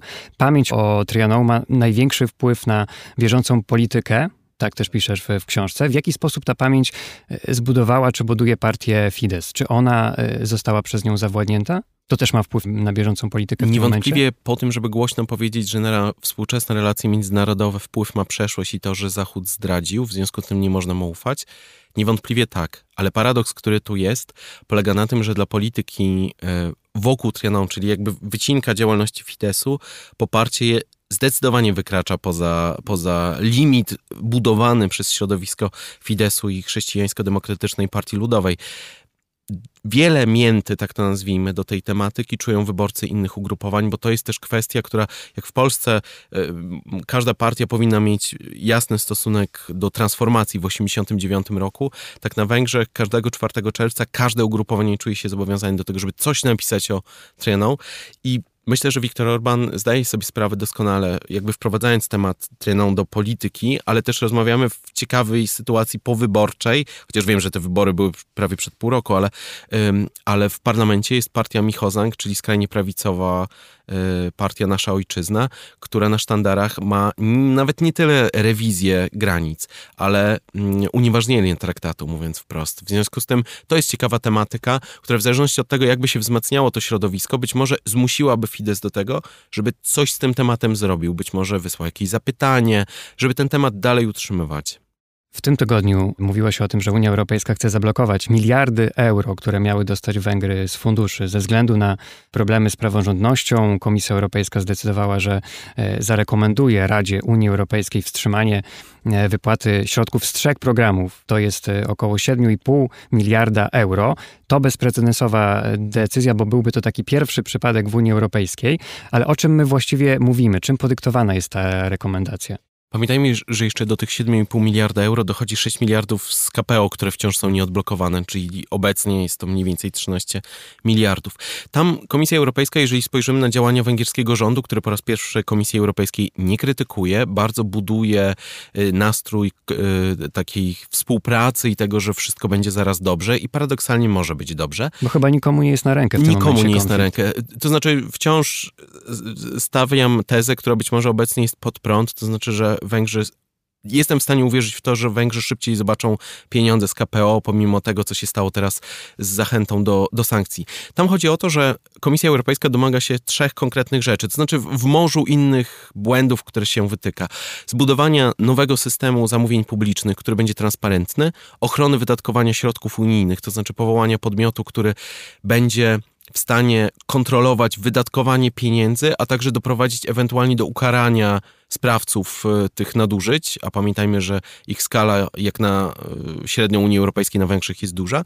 E, I jeszcze jednego wycinka związanego z przeciwdziałaniem korupcji, gdzie też już zadeklarowano. W związku z tym, kiedy mm, Komisja Europejska podała informację dotyczącą tego, że będzie rekomendowała te sankcje, na Węgrzech zapanował też spokój, że te pakiety ustaw już w zasadzie są gotowe. W związku z tym Tibor Nawracicz, który jest byłym komisarzem europejskim, a jednocześnie teraz nadzoruje proces konsultacji z Brukselą, zapewnia, że wszystko jest na dobrej drodze, żeby takie porozumienie zbudować. Czyli tutaj znowu wychodzi ten pragmatyzm Wiktora tak, Orbana, bo po prostu znaczy... rząd będzie udowadniał, że z praworządnością czy z korupcją to, to, to, to tak naprawdę żaden problem. Warto jest zwrócić uwagę i to jest gigantyczna przewaga Węgrów w tym temacie. Tam nie chodzi o cały system sądownictwa, prawda, tylko o jego wycinek, to co ma zabezpieczyć wydatkowanie środków. Cała ta druga procedura, tak nazwijmy, wartości i tak dalej w artykule 7 jest wciąż zamrożona. Natomiast Węgrzy sobie doskonale zdają sprawę z tego, tego, że tych pieniędzy potrzebują potężnie, no bo to jest, e, fundusze unijne budują mniej więcej 3% PKB, e, odpowiadają w ostatniej dekadzie za połowę PKB Węgier i mówi się już wprost o tym, e, że jeżeli te pieniądze nie przyjdą, to na Węgrzech będzie recesja. Recesja ciągnie kolejne problemy, a Viktor Orban rządził w dobrych czasach gospodarczo i po raz pierwszy kryzys gospodarczy na skalę, która się coraz bardziej zwiększa, zaczyna Węgrom patrzeć w oczy. I to jest coś, co, z czym Węgry jako państwo swoimi pieniędzmi sobie nie poradzą. Tym bardziej, że Rosja i Chiny też raczej nie będą skore do pomocy. To prawda. Z Chinami jest tak też, że nie opłacało się zupełnie e, brać kredytów z Chin, e, a Rosja, gdyby nie wojna, byłbym sobie w stanie wyobrazić jakieś porozumienie z, z Rosją, które miałoby zastąpić, tym bardziej, że Dmitrij Pieskow powiedział, że ceni to, że Węgry są suwerenne w Unii Europejskiej i potrafią e, jakby akcentować swoje stanowisko. Natomiast z racji też kondycji finansowej Rosji w to nie wierzę. Ale Węgrzy wiedzą, że nie ma obecnej alternatywy wobec y, środków unijnych, a zadaniem mediów prorządowych jest tak to przedstawić, że Węgry się nie nagięły. To jeszcze jeden wątek, skoro wyszliśmy trochę poza e, same Węgry. W książce, oczywiście poza tą główną narracją, czyli rozpracowywaniem węgierskiego systemu państwowego, mam wrażenie, że toczy się też druga narracja gdzieś z boku. O tym, dlaczego Węgry nie są podobne do Polski, albo dlaczego mechanizmy polityczne, czy nawet społeczne i światopoglądowe nie są aż tak podobne, jak nam się wydaje. Udowadniasz to na, na kilku poziomach, podejście do historii, do chrześcijaństwa, do teraźniejszości także. Można też odnieść wrażenie, że to wszystko gdzieś krąży tak czy inaczej wokół pragmatyzmu politycznego węgierskiego rządu. Czy on dziś warunkuje prawdziwość bądź ułudę e, tego słynnego przysłowia, że Polak, Węgier, dwa bratanki, to wciąż jest nasz naród bratni? Jeżeli spojrzymy na historię, to tak. I mam wrażenie, że po 24 lutego dla polskich elit politycznych też przyszła refleksja, że historia to historia, a bieżąca polityka to jednak jest bieżąca polityka. A ponieważ nastąpił w ostatnim tygodniu paradoks, że Peter Sijarto nie stawił się na spotkaniu Grupy Wyszehradzkiej w Nowym Jorku, ale spotkał się z Ławrowem, pokazując w ten sposób też, jaki ma stosunek do Grupy Wyszehradzkiej i Polski, która zapewnia go o wsparciu, myślę, że taka refleksja, wbrew wielu innym deklaracjom oczywiście o współpracy i tak dalej, gdzieś się pojawi. Tym bardziej, że cały mechanizm, o którym mówiłeś, unijny ostatni, E, z tymi ewentualnym zamrożeniem pieniędzy nie, nie wymaga polskiego weta, dlatego że tam są w większości kwalifikowane.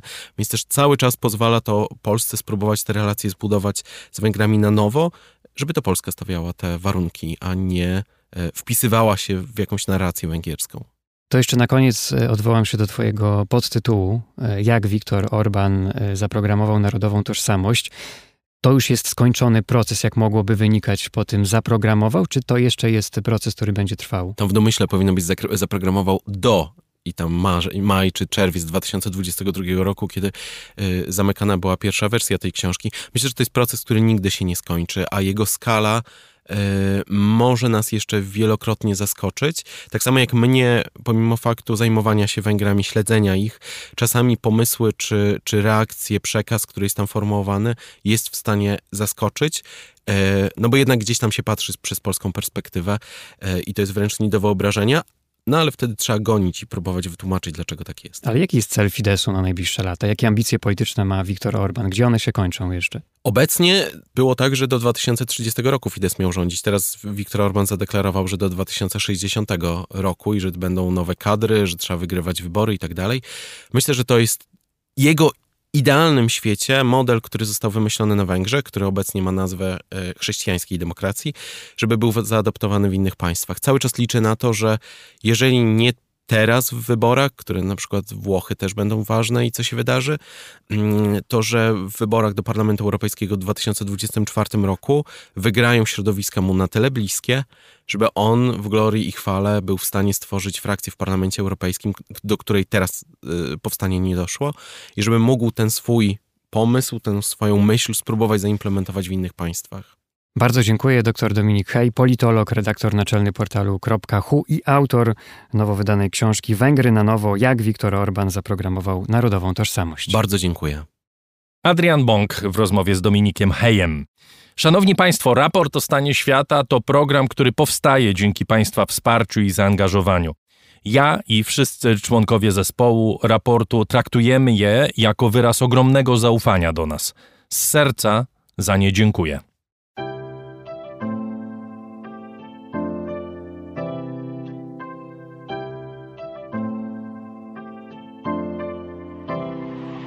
Raport o stanie świata od marca 2020 roku rozwija się dzięki Państwa zaangażowaniu i szczodrości. To dzięki Wam możemy opowiadać o świecie przy pomocy dźwięków. Dzięki Wam ten program jest przygotowywany w profesjonalny sposób z zachowaniem najwyższej jakości, bo na nią właśnie zasługują słuchacze raportu o stanie świata. Z serca dziękuję wszystkim Państwu za wpłaty. Wasza hojność jest dla mnie ogromnym zobowiązaniem. Zbiórka na patronite.pl ciągle trwa, zachęcam do udziału. Najhojniejsi patroni raportu o stanie świata to firma Ampio Smart Home, Aureus, leasing, kredyt, ubezpieczenia, księgowość. Sprawdź nas na www.aureus.pl. Hotel Bania Termal Iski w Białce Tatrzańskiej, oferujący pakiety pobytowe z termami w cenie. Firma doradcza Crido. Galmet. Polskie pompy ciepła. Gdzie polek.pl. Wyszukiwarka leków w aptekach stacjonarnych i internetowych. Nowe studia podyplomowe w Polsko-Japońskiej Akademii Technik. Zdobądź cenione na rynku umiejętności. Catering dietetyczny Lightbox, oferujący dietę pudełkową z wyborem potraw z różnych kuchni świata. Michał Małkiewicz. Firma Software Mill. Od zawsze zdalni programują dla całego świata. Dom wydawniczy Muza, bo świat nie jest nam obojętny. Uber. Myślimy globalnie, działamy lokalnie. Agnieszka i Sławek Zawadzcy. A także BIMV.pl. Kursy online dla inżynierów. Liceum Błeńskiej Gdańsk-Kowale. Przemyślana edukacja w dobrym miejscu. Piotr Bochnia. Cargo Move. Polska firma spedycyjna o globalnym zasięgu. Transport, spedycja, logistyka. CIO Net and Digital Excellence. Łączymy ludzi i idee. Grupa brokerska CRB. Ubezpieczenie należności dla Twojej firmy. Bezpłatne porównanie ofert www.grupacrb.pl Muzeum Kinematografii w Łodzi, organizator festiwalu mediów Człowiek w zagrożeniu. www.człowiekwzagrożeniu.pl Duna Language Services Biuro tłumaczeń do zadań specjalnych. www.duna.biz Agata Fischer JMP. Z miłości do sportu, z najlepszych tkanin w sercu Podhala szyjemy dla Was porządną odzież. Palarnia kawy La Cafo z Augustowa. LSB Data. Dedykowane aplikacje internetowe dla biznesu. Masz pomysł? Zrealizujemy go. lsbdata.com Wydawnictwo Uniwersytetu Łódzkiego. Wydawca książek serii Krótkie Wprowadzenie. Wszystko, co trzeba wiedzieć. Aplikacja Moja Gazetka. Polska proekologiczna aplikacja zakupowa z gazetkami promocyjnymi i nie tylko. Moja Gazetka. Kupuj mądrze. Firma Prosper z Sosnowca, hurtownia elektroenergetyczna i właściciel marki Czystuś. Drukarnia cyfrowa totem.com.pl. Dla nas książka zasługuje na najwyższą jakość. Fundacja Wasowskich, opiekująca się spuścizną Jerzego Wasowskiego i wydawca książek Grzegorza Wasowskiego. Szczegóły na wasowscy.com. Wayman, oprogramowanie wspomagające firmy inżynieryjne w zarządzaniu projektami, stworzone przez polskich inżynierów dla sektora projektowego. www.wayman Software. Dziękuję bardzo. To dzięki Państwu mamy raport o stanie świata.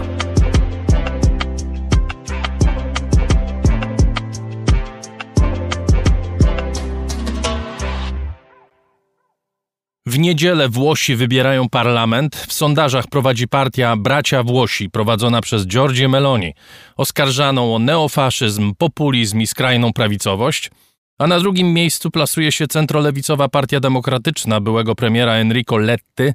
Liczyć się będzie także, być może, centrowa koalicja Matteo Renziego i Carlo Calendy, choć wygląda na to, że tylko jakieś nieoczekiwane zdarzenie może powstrzymać Włochów przed głosowaniem na koalicję prawicową kierowaną przez panią Meloni. Jest z nami Anna Kowalewska, korespondentka w Rzymie, od lat pisząca i mówiąca o Włoszech. Witam cię, dzień dobry. Dzień dobry. Może najpierw rozbroimy postać pani Giorgi Meloni. Czy to jest faszystka? Kto to jest? E, nie, to nie jest faszystka. Ja sobie wyobrażam, że te włoskie wybory to jest taka komedia dell'arte i współczesna e, wersja trochę takiego e, karnawału w Wenecji. Meloni to jest Kolumbina. To jest sprytna służąca, która ma mnóstwo, mnóstwo zdrowego rozsądku, duże poczucie rzeczywistości i usiłuje zrobić coś, co wydawałoby się jeszcze parę miesięcy temu zupełnie niemożliwe. E, mianowicie w kraju, w którym co drugi dzień jakiś mężczyzna morduje swoją żonę, kochankę albo narzeczoną, bo uważa, że ona jest jego własnością i powinna robić to, co on chce, Meloni nagle, nagle chce stanąć na czele rządu. E, być może będzie miała do tego odpowiednie karty, ale pytanie jest, czy y, prezydent Mattarella rzeczywiście powierzy jej misję utworzenia rządu i czy ta misja będzie mogła zakończyć się sukcesem. E, bo Meloni owszem ma poparcie pewnej części opinii publicznej, e, ale ma również dość poważne konflikty w łonie własnej koalicji. Otóż niekoniecznie chce uznać wyższość i doświadczenie Silvio Berlusconiego, który ma już 86 lat i znowu chciałby odgrywać ważną rolę we włoskiej polityce i dosyć ostro sprzecza się z takim, no powiedzmy sobie, żołnierzem samochwałem, żeby zostać w tej konwencji komedii dell'arte, e, czyli Salvinim. Y, który to y, Salvini y, głosi przede wszystkim, że on teraz zamknie Włochy dla wszystkich imigrantów z południa, którzy topią się w Morzu Śródziemnym, są z tego Morza Śródziemnego wyławiani i ratowani we Włoszech, który twierdzi, że on teraz wszystkim Włochom bardzo pomoże, bo wprowadzi abolicję podatkową i podatek liniowy w wysokości 15%, czyli bardzo niski, i który uważa, że ma zupełnie wystarczające doświadczenie, żeby stanąć na czele nowego gabinetu.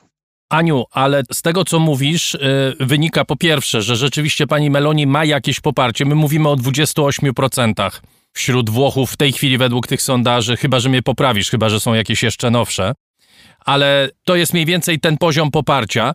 Mówisz o tym, że ona się sprzecza z e, Matteo Salvinim, ale te plany programowe, które wymieniłaś, to są również planami pani Meloni, prawda? Ona również chce blokady Libii, chce zakończyć, że tak powiem, sprawę migracji do Włoch i przyjmowania migrantów. Ona również chce wprowadzić podatek liniowy.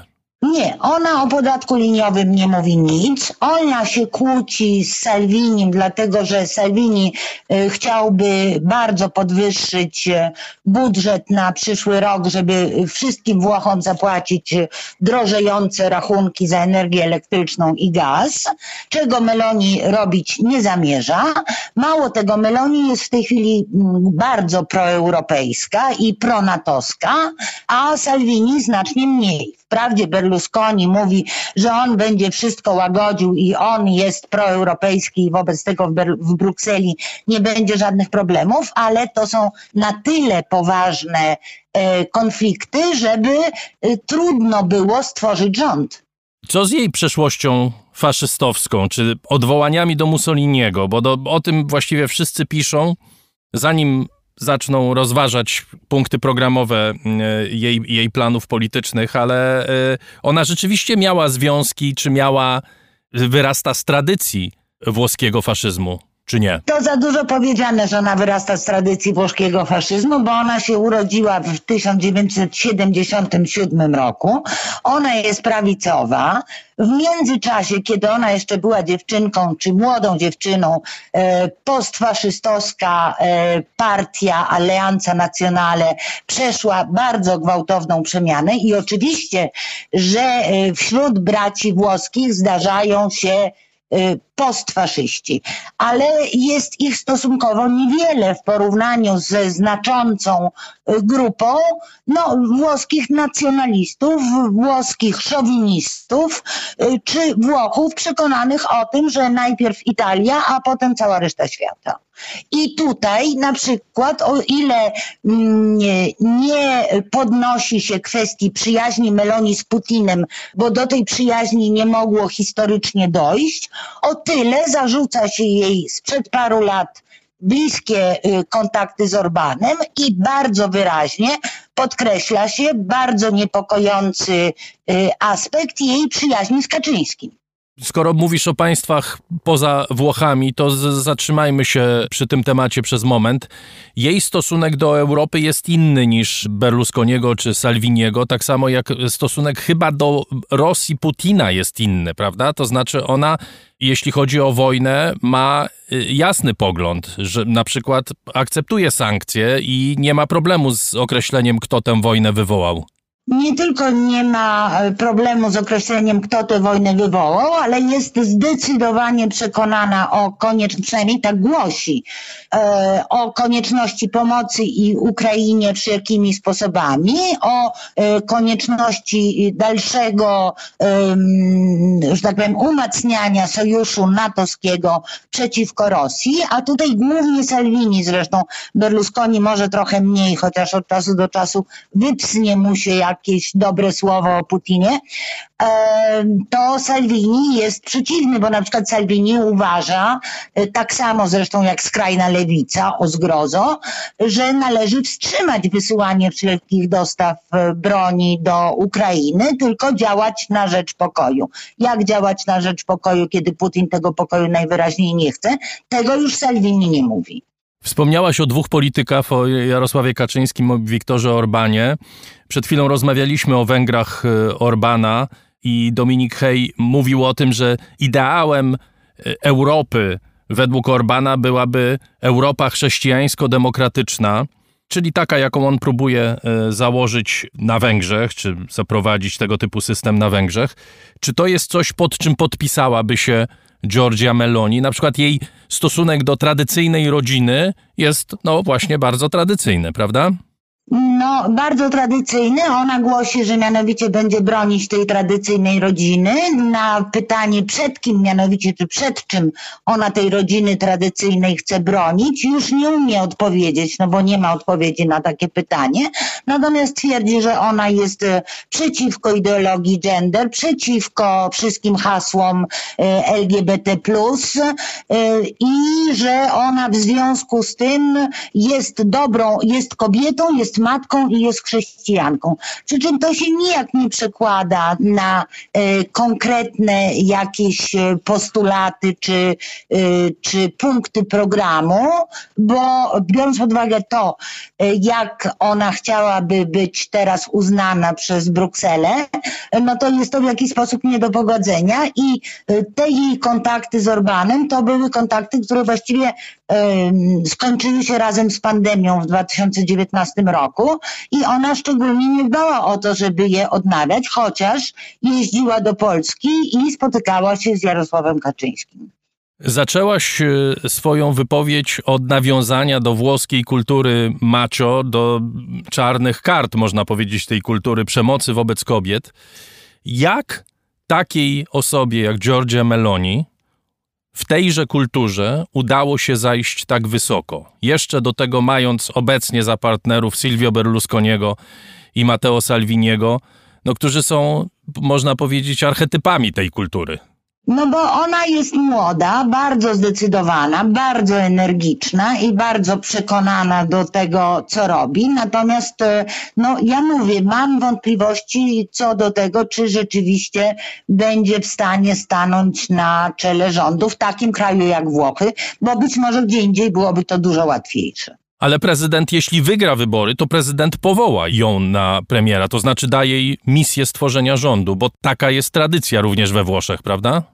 Tak, taki jest obowiązek konstytucyjny. Tutaj są bardzo silne e, instytucje demokratyczne, które regulują wszystkie e, poszczególne kroki. I, I teraz prezydent może jej powierzyć rolę stworzenia rządu pod warunkiem, że ona będzie miała szansę i będzie y, właściwie nie, nie tyle szansy, co będzie prawdopodobne, że ten rząd stworzy, bo prezydent też nie będzie robił z siebie głupka i dawał, y, nie, nie będzie dawał mandatu komuś, kto wiadomo, że nic nie zrobi. A przy tym trzeba pamiętać o tym, że to wcale nie jest powiedziane, bo jeszcze w tych e, niedzielnych wyborach może się okazać, e, że Partia Demokratyczna, gdyby stworzyła koalicję na nowo z ruchem pięciu gwiazd, to miałaby odpowiednią ilość głosów, żeby tworzyć rząd. I wtedy nie Meloni dostanie ten mandat tworzenia rządu, e, tylko Letta albo, albo Conte, który jest przywódcą ruchu pięciu gwiazd. To wszystko nie wiadomo, a nie wiadomo jeszcze również dlatego, e, że tym razem gra toczy się o znacznie wyższą stawkę. Otóż to są pierwsze wybory, kiedy do e, parlamentu ma wejść tylko 600, a nie ponad 900 deputowanych, zarówno do niższej izby, jak i do Senatu, bo ruch pięciu gwiazd kilka lat temu wprowadził reformę polegającą na obcięciu e, ilości mandatów e, parlamentarzystów.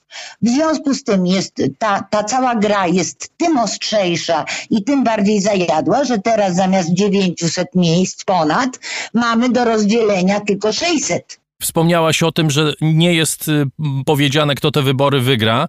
Czy my w ogóle możemy liczyć na stabilne rządy we Włoszech po tych wyborach? Nawet patrząc na obecne sondaże z tą trzypartyjną koalicją, prawda, braci włoskich Ligi Forza Italia, to jest na granicy 50% poparcia. Jeśli by Partia Demokratyczna wygrała wybory, to również to gdzieś będzie wahało się w okolicach y, połowy y, miejsc w parlamencie tak czy siak, to nie będą stabilne rządy, prawda? Nie, to nie będą stabilne rządy. Jedyna jedyną szansą na jakikolwiek bardziej stabilny, ale też niestabilny w 100%, jak pokazują ostatnie miesiące, e, rząd włoski, to jest e, rząd ekspercki dlatego że tu wszyscy się uwielbiają kłócić ze wszystkimi i mają z tego e, jakieś tam profity. W związku z tym nikomu nie jest po drodze ze stabilnym rządem. A o co w ogóle wchodzi w tych wyborach? No bo my rozmawiamy o postaciach, o programach politycznych, które gdzieś tam dotyczą spraw ideowych, o stosunku do wojny, o stosunku do Europy no, ludzie we Włoszech prawdopodobnie są tacy sami jak wszędzie indziej. Wszędzie indziej ludzie martwią się rachunkami za prąd i domyślam się, że Włosi y, robią dokładnie to samo.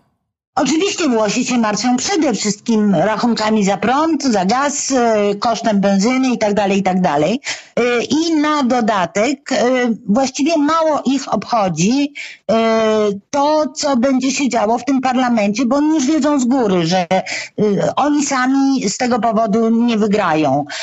Jak zaczął się kryzys rządowy i partia Contego, Ruch Pięciu Gwiazd wycofała swoje poparcie dla gabinetu Dragiego, to ja poszłam do mojego mechanika e, samochodowego i powiedziałam mu, że ja mu teraz samochodu do naprawy nie zostawię, dlatego że ja e, muszę być e, mobilna, bo tutaj się dzieją ważne rzeczy. Powiedziałam mu dlaczego, że mianowicie jest kryzys rządowy. On się złapał za głowę i powiedział, o Jezu, znowu się będą między sobą kłócić. To tak naprawdę chodzi o emerytury tych 600 e, przyszłych parlamentarzystów, bo oni po odbyciu kadencji w parlamencie e, mają prawo do bardzo przyzwoitej nie tylko odprawy, ale również zabezpieczony byt e, do końca e, swoich dni.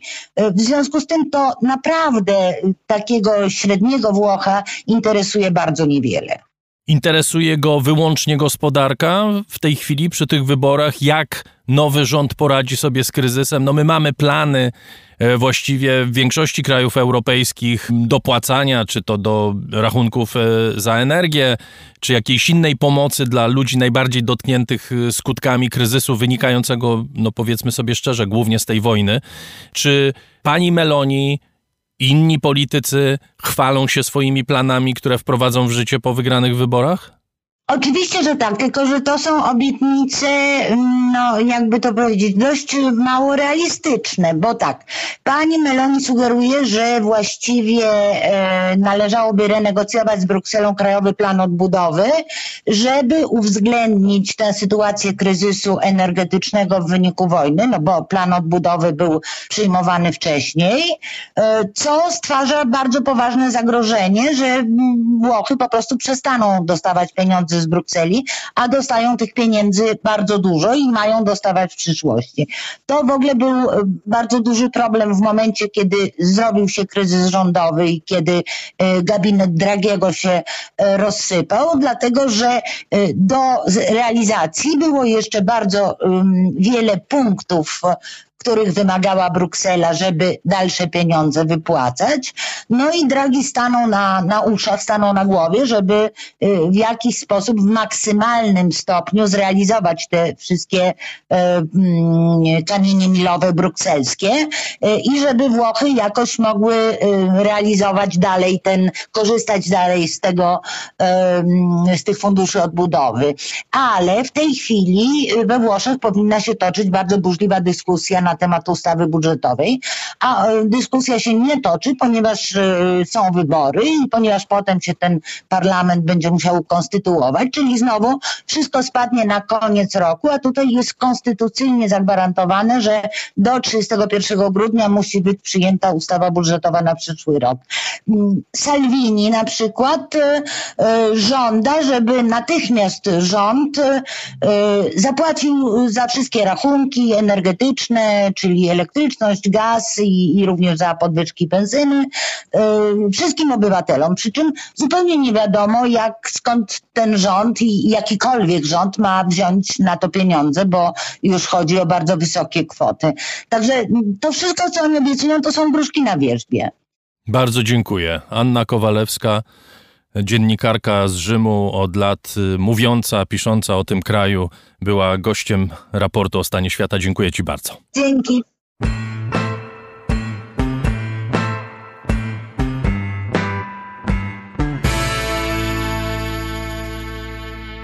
Dlaczego Chiny są obecne w tak wielu miejscach na świecie? Dlaczego w kolejnych krajach dostają kolejne zlecenia na inwestycje, mimo że tak wiele z nich okazuje się wydmuszkami?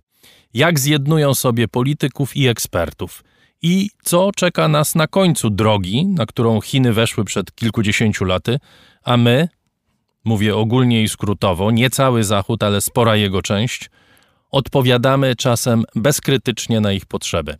To są niektóre tematy książki, o której za chwilę porozmawiamy. Książki, która jest panoramą wpływów chińskich w Europie, głównie środkowo-wschodniej, wpływów gospodarczych, politycznych, kulturalnych, eksperckich, akademickich, właściwie dotyczących większości dziedzin życia. Chińczycy trzymają nas mocno, to jest tytuł książki, a jej autorka Sylwia Czubkowska jest z nami. Witam cię, dzień dobry. Dzień dobry, bardzo mi miło. Kiedy to się zaczęło? Pisanie książki czy Nie. chińskie wpływy? chińskie wpływy? Chińskie wpływy kiedy się zaczęły? W takiej wyraźnej formule, w takiej nowoczesnej formule, e, która jest związana rzeczywiście z ambicjami współczesnych Chin, Chin pod rządami Xi Jinpinga, no to się tak naprawdę zaczęło właśnie z początkiem tych rządów i tak naprawdę w dużej mierze stało się pokłosiem kryzysu e, tego 2008-2010 w- na zachodzie, czyli upadku Lehman Brothers, kryzysu nieruchomości, bo mm, dwie ścieżki na siebie naszły. Z jednej strony ogromny rozwój technologiczno-gospodarczy i ogromne ambicje chińskie i wzmocnienie też władzy wewnętrznej w Chinach. Z drugiej strony osłabienie gospodarki, ale też i takie społeczne osłabienie Zachodu, czyli te wszystkie ruchy establishmentowe, e, dojście Trumpa do władzy, Brexit, u nas, e, u nas rządy Orbana, mówię u nas w sensie w Europie Środkowej, rządy Orbana, dojście do władzy PiS. To są dosyć podobne zjawiska polityczne, w które troszeczkę jakby w otwierane szerzej drzwi zaczęła wchodzić narracja chińska, ale też chińskie, chińskie inwestycje po prostu szeroko rozumiane. Czyli czym gorzej na Zachodzie, albo czym bardziej chaotycznie na Zachodzie, szeroko pojętym, to tym lepiej dla Chin, bo mogą się wcisnąć w te miejsca, które stają się wolne? Dokładnie tak. Ten chaos, czy to chaos polityczny, czy to chaos gospodarczy, czy społeczny, y, jest świetnie wykorzystywany przez Chińską Republikę Ludową. Y, Oczywiście różnie. Bo inaczej będzie wykorzystywany w Afryce, gdzie wykorzystywany jest wątek postkolonializmu i takich bardzo negatywnych nastroi afrykańskich. Zresztą to jest oczywiste, tak, w stosunku do byłych kolonizatorów, co Chiny świetnie czują u siebie. Inaczej jest wykorzystywane w Europie Środkowej, gdzie raczej jest gra na ambicje i na kompleksy, na te nasze ambicje nadrobienia zaszłości gospodarczych, y, nasze kompleksy wynikające chociażby z, z bólu, który mamy post- znaczy w pokoju postjałtańskim albo na Węgrzech w, w układzie post-Trianon, tak? I znowu Chiny używają dobrych narracji, w sensie dobrego zrozumienia tego, co nas boli, bo one też przecież cierpiały przez zachodnie mocarstwa, tak? E, I kiedy tu się dzieje trudniej, to ta chińska oferta jest coraz bardziej interesująca. Co jest motorem tych wpływów? Bo ty mówisz o ambicjach, mówisz o umiejętności wciskania się w te puste miejsca, nie mówisz o pieniądzach. To jest motor z punktu widzenia naszego, czyli z punktu widzenia Polaków, Węgrów, Serbów, Chorwatów, którzy wpuszczają Chińczyków na swoje rynki. Z ich punktu widzenia pieniądze to jest coś, co oni mają i mają w obfitości, mogą nimi zarzucać tych, którzy są zainteresowani. Ale z ich punktu widzenia, co jest motorem? Z punktu widzenia Chin, tak? Tak. Pie- Pieniądze, to co powiedziałeś, to oczywiście jest totalnie ważne, bo to jest to wykorzystywanie naszych ambicji właśnie nadrobienia, szybkie, szybkiego nadrobienia e, no, zaszłości po prostu gospodarczych. E, Z punktu widzenia Chin, no to jest układanka. To jest układanka, w której poszczególne regiony, poszczególne państwa są elementem. Czasami ważniejszym, czasami mniej ważnym, czasami bardzo doraźnym, czasami długofalowym. Ym, Żadne państwo regionu Europy Środkowej samo w sobie nie niesie ogromnych korzyści dla Chin. Jesteśmy za mali, za biedni, yy, za słabymi jesteśmy gospodarkami, żeby bardzo się na, na nas fokusować, ale już w układzie tych 16 czy w którymś momencie 17 państw, bo Chiny sobie dołożyły do tego układu również Grecję. Już 17 Państw środkowej Europy. tak, będących bramą do Europy Zachodniej, szczególnie do Niemiec, ale też bramą taką do zdobycia kompetencji odpowiednich, tak? Nauczenia się, jak się robi tutaj biznesy, nauczenia się, jak daleko można się posunąć, zanim się zacznie taki opór, tak? Czy to prawny, czy ludzki, czy gospodarczy. To się okazuje, że jednak jesteśmy ważni. Jako właśnie taki poligon doświadczalny czasami. Tak, jako poligon doświadczalny. Mamy już bardzo jasną y, politykę, być może odpowiednim słowem jest politykę odstraszania Chin ze strony Stanów Zjednoczonych. To jeszcze przed czasami Trumpa zostało chyba zrozumiane, że popełniono błędy, które są nieodwracalne w skutkach. Y, Za czasów Trumpa bardzo silnie te wpływy chińskie były y, ograniczane. My jeszcze ciągle myślimy, że jak ich wpuścimy tutaj, jak im damy y, możliwości, nie wiem, budowania i będziemy zbierali pieniądze i będziemy liczyć na to, że wielki rynek chiński nam odpłaci. U nas ciągle to jest, prawda? Ciągle tego typu podejście żyje. Tak, bo to jest to właśnie podejście wykorzystujące też tą potrzebę szybkiego wybicia się. Chiny doskonale rozumieją, że e, w wielu państwach naszego regionu mogą być używane jako taki, mm, brakuje mi polskiego słowa, taki leverage, taka mm, wajcha, prawda, na przeciąż, na, na, na, wskazanie, że nie musimy tylko grać na, na Unię Europejską czy na Stany Zjednoczone, że jest trzeci partner ekonomiczny, polityczny. I co bardzo ważne, możemy tego, znaczy poszczególne państwa, poszczególne rządy używają tego również w stosunku do własnych obywateli. Trzeba zauważyć, że praktycznie żadne państwo naszego regionu nie ma mocnej polityki, strategii międzynarodowej kontaktów z Chinami. Wszystko, co się dzieje, to po to, żeby albo wzmocnić władzę wewnętrzną, y, albo używane jest to właśnie po to, żeby ograniczyć ewentualne wpływy y, amerykańskie lub wpływy Brukseli. Więc taka polityka wewnętrzna rozgrywana argumentem chińskim. Bardzo to jest ciekawe. I to jest również po polityka wewnętrzna w krajach i wewnętrzna w Europie, prawda? Dokładnie to, to na tak. przykład robią Dokładnie. Węgrzy, w ten sposób zachowują się państwa bałkańskie, takie jak Serbowie. Chiny są argumentem na rzecz tego, że słuchajcie, my nie, nie jesteśmy od was w 100% zależni, To tak? też się działo u nas i to nawet niedawno. Przecież kiedy prezydent Duda dzwonił do Xi Jinpinga o szczepionki, to nie po to, że my naprawdę chcieliśmy ten Sinopharm e, do Polski ściągnąć, tylko żeby był argument do mm, pokazania Komisji Europejskiej, że nie jesteśmy wcale tylko od niej uzależnieni i od tego rozdziału, tak? Bo tutaj jest kolejne źródło. Chiny nie są ciągle państwem atrakcyjnym kulturowo, tak jak Stany Zjednoczone czy Wielka Brytania. Nie mają instytucji, które podziwiamy. Niedawno dwie trzecie świata uczestniczyło w widowisku zorganizowanym przez brytyjską instytucję medialną, prawda? BBC czy brytyjskie państwo. I to było przeżycie emocjonalne dla ponad połowy świata, dwóch trzecich globu. Nikt nie chce zostać Chińczykiem. Każdy chce zostać Amerykaninem. To jest ciągle pole, na którym Chińczykom nie udaje się przekonać reszty świata. Co więcej, y, są państwa azjatyckie, Korea Południowa czy Japonia, które doskonale wykorzystały swoją historię, swoją kulturę, zarówno tą kulturę właśnie historyczną, jak i współczesną popkulturę do tego, żeby, no jak to się nazywa w Korei, tak, zalać tą falą koreańską, Hallyu, tak? Chiny tego nie potrafią. Powód jest bardzo z jednej strony oczywisty, a z drugiej strony zaskakujący. To, to nie jest tak, że Chiny nie mają wspaniałej kultury, bo mają wspaniałą tysiąclecie, wiele tysiącleci lat obezwładniającej historii kulturalnej. Mają też dosyć ciekawą popkulturę. Też mają swój na przykład sin pop, tak? czyli taki y, chiński pop. Mają ogromne nakłady na kinematografię. Na początku tego roku była taka sytuacja, że w światowym box office na pięć największych y, hitów były cztery chińskie. No, w kinie im się udaje. Ale to kino nie wychodzi dzisiaj poza Chiny. Kiedyś wychodziło, prawda? Nie wiem, y, zgaście czerwone latarnie i Przyczajony tygrys. przyczajony tygrys, tak. Mhm. Chociaż przyczajony tygrys był hollywoodzki, tak naprawdę. Ale Z chińskim akcentem. z chińskim akcentem. Wszyscy Dokładnie. myśleli, że oglądają chiński film. Dokładnie. I, I lansował chińskie wspaniałe gwiazdy. Dzisiaj się to nie udaje, bo jednak ta władza wewnętrzna, ta dyktatura, o której czasami lubimy zapominać, że to jest, to jest dyktatura, naprawdę trzyma rękę na tym, jak wygląda kultura w tym państwie. Bardzo ograniczono media, swobody mediów. Podawana jest też popkultura konkretnej cenzurze. I no cóż, no, społeczeństwa Zachodu po prostu nie kupują. Znaczy, my czujemy ściemę, nie? I to nie działa. Po prostu to nie działa na nas. Natomiast Chińczycy próbują kupić intelektualistów, artystów, ekspertów. O tym też piszesz w książce bardzo dużo.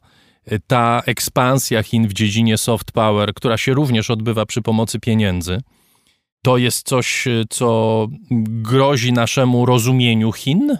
Zwłaszcza mówimy tutaj o Europie Środkowej, gdzie przecież uniwersytety to opisujesz na przykładzie polskich uniwersytetów, na przykład, które po prostu nie mają pieniędzy, żeby przetrwać, i studenci z Chin, nawet jest ich mało, ale dają jakąś kroplówkę, która pozwala się utrzymać na powierzchni. Mamy instytuty Konfucjusza, które opisujesz i które powiedzmy sobie szczerze, nie są odpowiednikiem British Council. No nie są, Yy, chociaż tylko- chciałyby być, nie? Właśnie, mimo, że się tak przedstawiają, prawda?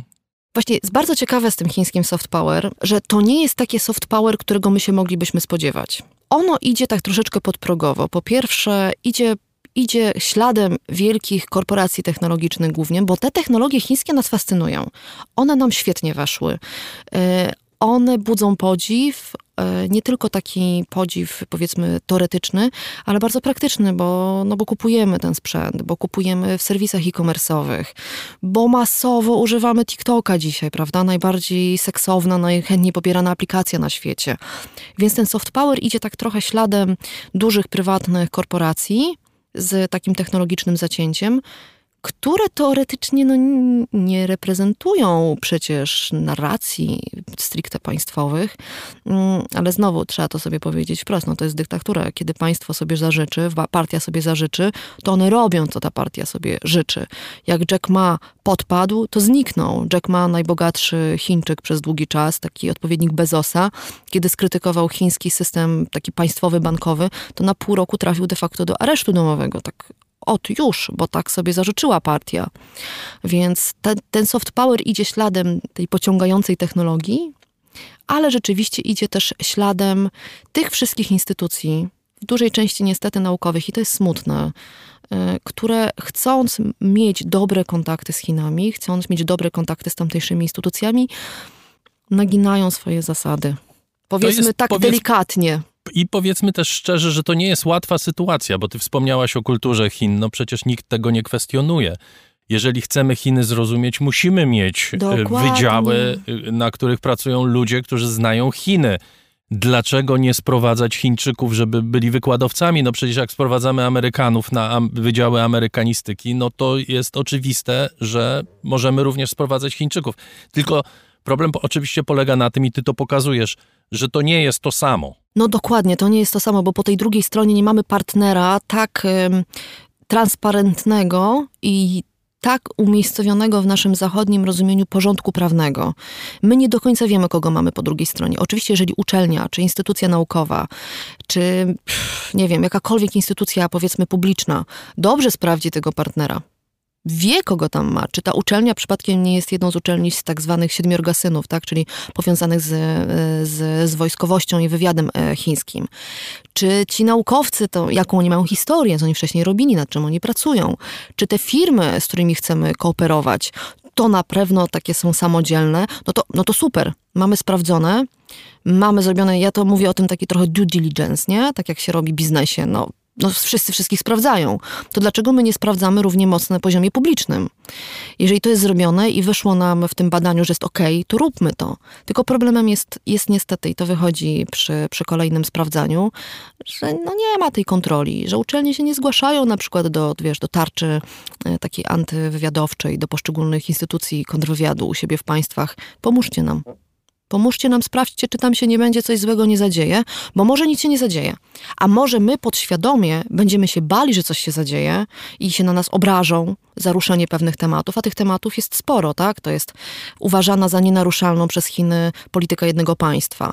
To jest Tybet, to jest dzisiaj Hongkong, tak? To są, to są, to są Ujgurzy, to dokładnie w Xinjiangu. I my się sami zaczniemy autocenzurować, ograniczać, a być może wręcz y, będziemy skłonni do tego, żeby za te potencjalne korzyści no, po prostu głosić chińskie narracje. I o takich przypadkach też piszesz w książce.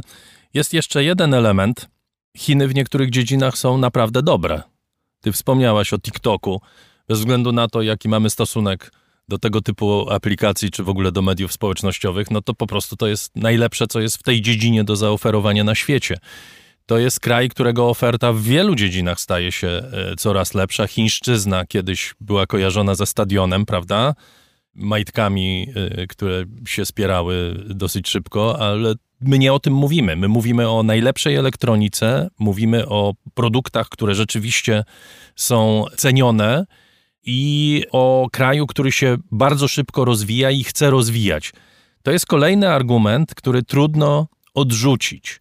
Dlaczego mamy nie kupować czegoś, co jest dobre i mało tego, zwykle tańsze niż inne produkty, prawda? No tak, stanowczo. Stosunek ceny do jakości w produktach, e, szczególnie być może tych hardware'owych, tak, chińskich, bo trochę inaczej jest z systemami, czy z aplikacjami, czy z e-commerce'em, tak? Tutaj mamy, no, pff, możesz tu, możesz gdzie indziej, możesz być na TikToku, możesz być na Instagramie, wiadomo, daje to inne możliwości rozwojowe też, ale w tym hardware'ze Chiny stosunek ceny do jakości bardzo wysoki, co bardzo ważne, szybko rozwijający się i oferujący coraz więcej, e, coraz większą, ciekawszą ofertę, mm, często zresztą powiązaną w duże ekosystemy, tak? Potem się okazuje, że mamy połowę sprzętu w domu tego danego producenta chińskiego. Możemy powiedzieć, o kogo chodzi, o Xiaomi chociażby, mhm. bo Xiaomi jest bardzo ciekawym przykładem. Ta firma z takiego naprawdę, no, chińszczyzny technologicznej, tak możemy powiedzieć, wyrosła do ogromnej naprawdę takie szapoba firmy, która w dużej mierze swój potencjał światowy zbudowała na naszych rynkach, właśnie tych środkowoeuropejskich, bo użyła argumentu CCC, cena czyni cuda, tak? I, I ludzie mają wszystko, od hulajnog po smartfony, od oczyszczaczy powietrza po odkurzacze Xiaomi. Ja wyraźnie mówię, nie jestem w stanie nikomu, ale to nikomu, no, dobra, Osobom y, działającym publicznie powiedzmy, że jestem w stanie odradzić, bo to są trochę inne zasady, ale żadnemu konsumentowi nie jestem w stanie odradzić zakupu chińskiego sprzętu. To powinna być bardzo indywidualna decyzja, tylko uważam, że jesteśmy dzisiaj na tym poziomie mentalnościowym, ale też finansowym, że powinniśmy te decyzje pod, po, podejmować, mając maksymalnie dużą świadomość. Tak jak bierzemy pod uwagę cenę, wygląd, design, nie wiem, energochłonność, tak powinniśmy brać pod uwagę to, że kapitał ma narodowość. A już w tym roku czujemy to więcej niż mocno. Opowiedz o samej książce, o pisaniu tej książki. Podtytuł brzmi Pierwsze śledztwo o tym, jak Chiny kolonizują Europę, e, w tym Polskę. Śledztwo dziennikarskie, docieklanie dziennikarskie, wiele tam tutaj jest tego, wiele jest rozmów e, z politykami, ekspertami, producentami. Powiedz, czy ludzie chętnie mówią o swoich związkach z Chinami? Jedni chętnie, drudzy mniej chętnie. E, niektórzy mówią chętnie, dlatego że nie widzą w tym problemu. Co więcej, uważają to, że takie kontakty mają dosyć bliskie za swojego pewnego rodzaju spryt i, i dużą korzyść. Różnie bywa oczywiście z tym efektem końcowym, bo są takie historie, chociażby właśnie AWF-u w Gdańsku, gdzie pada hasło, że chiński student to czysty zysk. Czy jest naprawdę takim czystym zyskiem, to yy, mam nadzieję, Amerykanie że dosyć... też tak kiedyś myśleli. No, ale to myślę, że dosyć szczegółowo opisuje, jak się ten zysk mhm. skończył dla tej uczelni. A skończył się, jak to jeden z czytelników mi napisał, jak w misiu. Niektórzy chętnie, niektórzy niechętnie, ale ja muszę przyznać, że w ciągu dwóch lat, bo mniej więcej tyle mi zajęła praca nad tą książką, taka już skoncentrowana, bardzo zwiększyła się świadomość wśród, wśród ludzi. Z niektórymi rozmówcami rozmawiałam w 2020, a potem w 2022 roku, raz jeszcze konfrontując pewne kwestie. I oni sami po prostu zaczęli zauważać więcej albo zwracać inaczej uwagę. Więc to jest y, jakaś taka bardzo ciekawa, ciekawa zmiana, która nastąpiła, ale ja starałam się, oczywiście tam jest dużo rozmów z ekspertami, czy politykami, ludźmi takimi mocno związanymi z wpływami chińskimi, ale starałam się też jak tylko mogę schodzić do takiego najniższego poziomu, czyli do ludzi, do bohaterów, takich naszych reporterskich bohaterów, do nas wszystkich, którzy jesteśmy trochę w tym wszystkim tak wrzuceni i lawirujemy, nie? To jest wielka wartość zresztą tej książki, bo dopiero kiedy ma się do czynienia z tego typu pracą, właśnie z rozmowami z ludźmi, można pokusić się o pewną próbę interpretacji. I na koniec bym Cię prosił o to, byś się odniosła do tego pytania, które wszyscy sobie stawiamy. To znaczy, o co toczy się ta gra? To znaczy, czy to jest rzeczywiście gra o to, czy na świecie będą obowiązywać zasady, w których my się wychowaliśmy, dzięki Bogu już od 89 roku w Polsce również, czyli zasady wolnego rynku, zasady uczciwości, zasady zaufania do siebie, bo na tym jest wolny rynek oparty, czy też będziemy musieli przyjąć do wiadomości, że jest alternatywa, że jest alternatywa chińska, która polega na tym, co między innymi opisujesz w tej książce. My już dzisiaj musimy przyjąć do świadomości, że jest to alternatywa i ona jest bardzo kusząca. Co więcej, ta alternatywa jest wyraźnie e, artykułowana przez Chińską Republikę Ludową. Kilka dni temu było spotkanie Xi Jinpinga z Putinem w Uzbekistanie i na zakończenie tego spotkania zostało jasno wyłożone, czego chcą Chiny i czego chce Rosja. Chcą wspólnie wprowadzać porządek w tym świecie chaosu. No tak, bo y, ten wolny rynek i ten świat, który Zachód sobie stworzył, ma oczywiście mnóstwo luk i mnóstwo wad, które są wykorzystywane y, w krytyce y, wewnętrznej, bo u nas każdy może krytykować co chce. W Chinach nie każdy, właściwie nikt nie może krytykować tego, co robią władze, ale za to to działa, prawda? To znaczy na tym poziomie decyzyjnym znacznie łatwiej jest y, działać w Chinach. I to jest takie przekonujące, i to jest takie obezwładniające, i to tak y, na nas dobrze działa, prawda? W sensie jako narracja, bo rzeczywiście funkcjonujemy w świecie chaosu, mniej lub bardziej, widzimy go dosyć wyraźnie w różnych momentach. Jeżeli słyszymy, że jest alternatywa pod tytułem szybkie, sprawne inwestycje, niespecjalnie będziemy się dopytywać o jakąś waszą praworządność, y, linie kredytowe są otwarte, nam zależy tylko na dobrym biznesie, żeby było win-win, tak? To, to, to legendarne chińskie, chociaż brzmiące po angielsku. Y, to, to jest pociągające. I ja to pociąga, tą, tą propagandę sukcesu, która za tym idzie, doskonale rozumiemy. My wszyscy chyba to rozumiemy, w Polsce szczególnie. Tylko właśnie to jest dokładnie to pytanie, czy po 30 plus latach od walki de facto, nie? O demokrację, prawa człowieka, praworządność, jakbyśmy tego nie nazwali, czy na, chcemy to tak na tej win-win opcji sprzedawać. Jest jeszcze jedna wersja, y, którą głoszą również ludzie, którzy się znają na Chinach, która głosi to, że może my przeceniamy jednak ich siłę to może, jest bardzo ważne. Y, może nam się tak wydaje, no bo słyszymy, media działają tak, jak działają, my słyszymy o tych sukcesach Chin. Zresztą ty czasami y, też poruszasz ten temat w książce, kiedy mówisz, że tam brak specjalistów. To nie jest tak, że wszystko działa jak w, w komputerze, że to jest trochę w niektórych miejscach na sznurek do snopowiązałki. Takiego kraju nie da się kontrolować, nie da się go unowocześnić w całości tak szybko. Chiny odnoszą ogromne sukcesy, ale ciągle nie są żadnym partnerem dla Zachodu, czy to w sferze militarnej, czy w sferze technologicznej. Może o tym też warto pamiętać, tak z pewną nutą optymizmu można Tak, powiedzieć. i to jest w ogóle bardzo ważne tak naprawdę, bo w dużej części narracji chińskiej, e, tego, tego imperializmu Wygląda chińskiego... tak, jakby to było absolutnie nie do... Doskonałe państwo, prawda? Doskonałe państwo, Które którego nie, nie, tysiąc, nie da się powstrzymać. Tysiąc lat do przodu już wszystko sobie zaplanowało, sześć pokoleń. Właśnie właśnie to przekonanie jest elementem tej chińskiej narracji. To jest bardzo ciekawe, że jak my zrozumiemy, że my się dajemy trzymać mocno za mózgi, to wtedy nie będziemy już tak mocno trzymani, bo yy, i trochę z taką myślą też pisałam tą książkę. Rozliczmy. Sprawdźmy, czy to wszystko zawsze jest takie nie do pokonania i takie y, ponad nasze możliwości i w ogóle mamy do czynienia ze wspaniałą dyktaturą cyfrową, która każdego na każdym polu kontroluje, bo to też jest element propagandy po prostu. Chińczycy trzymają nas e, mocno. Książka y, znakomita, polecam ją Państwu. Jeśli ktoś z Państwa miałby ochotę dostać no, do nas w prezencie egzemplarz, bardzo proszę do nas pisać. Raport Rosiaka małpa gmail.com. Sylwia Czubkowska, autorka, była gościem raportu o stanie świata. Dziękuję Ci bardzo. Dziękuję bardzo. I to już prawie wszystko w tym wydaniu raportu o stanie świata. Zapraszam Państwa na przyszły tydzień. W środę raport na dziś, w sobotę jak zwykle raport o stanie świata. Przypominam, jesteśmy w mediach społecznościowych. Przypominam o naszej stronie raportostanieświata.pl. Tam wszystkie nasze audycje skatalogowane, łatwe do znalezienia. Jeszcze raz dziękuję Państwu za wsparcie finansowe, bez którego nie byłoby raportu o stanie świata. Adrian Bąk, Chris Wawrzak, Dariusz Rosiak mówią arrivederci. Na koniec niezastąpiony Paulo Conte w jednym ze swoich wielkich przebojów.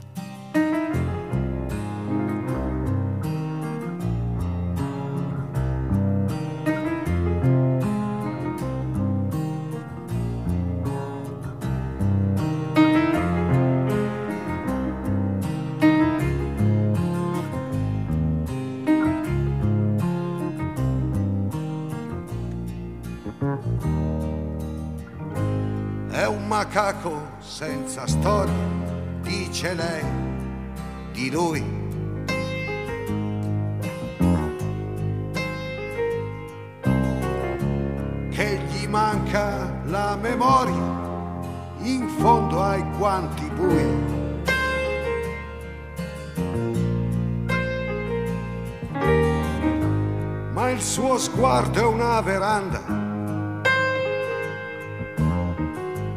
tempo al tempo e lo vedrai. Che si addentra nella giungla no non incontrarlo mai. Da da da da da da da da da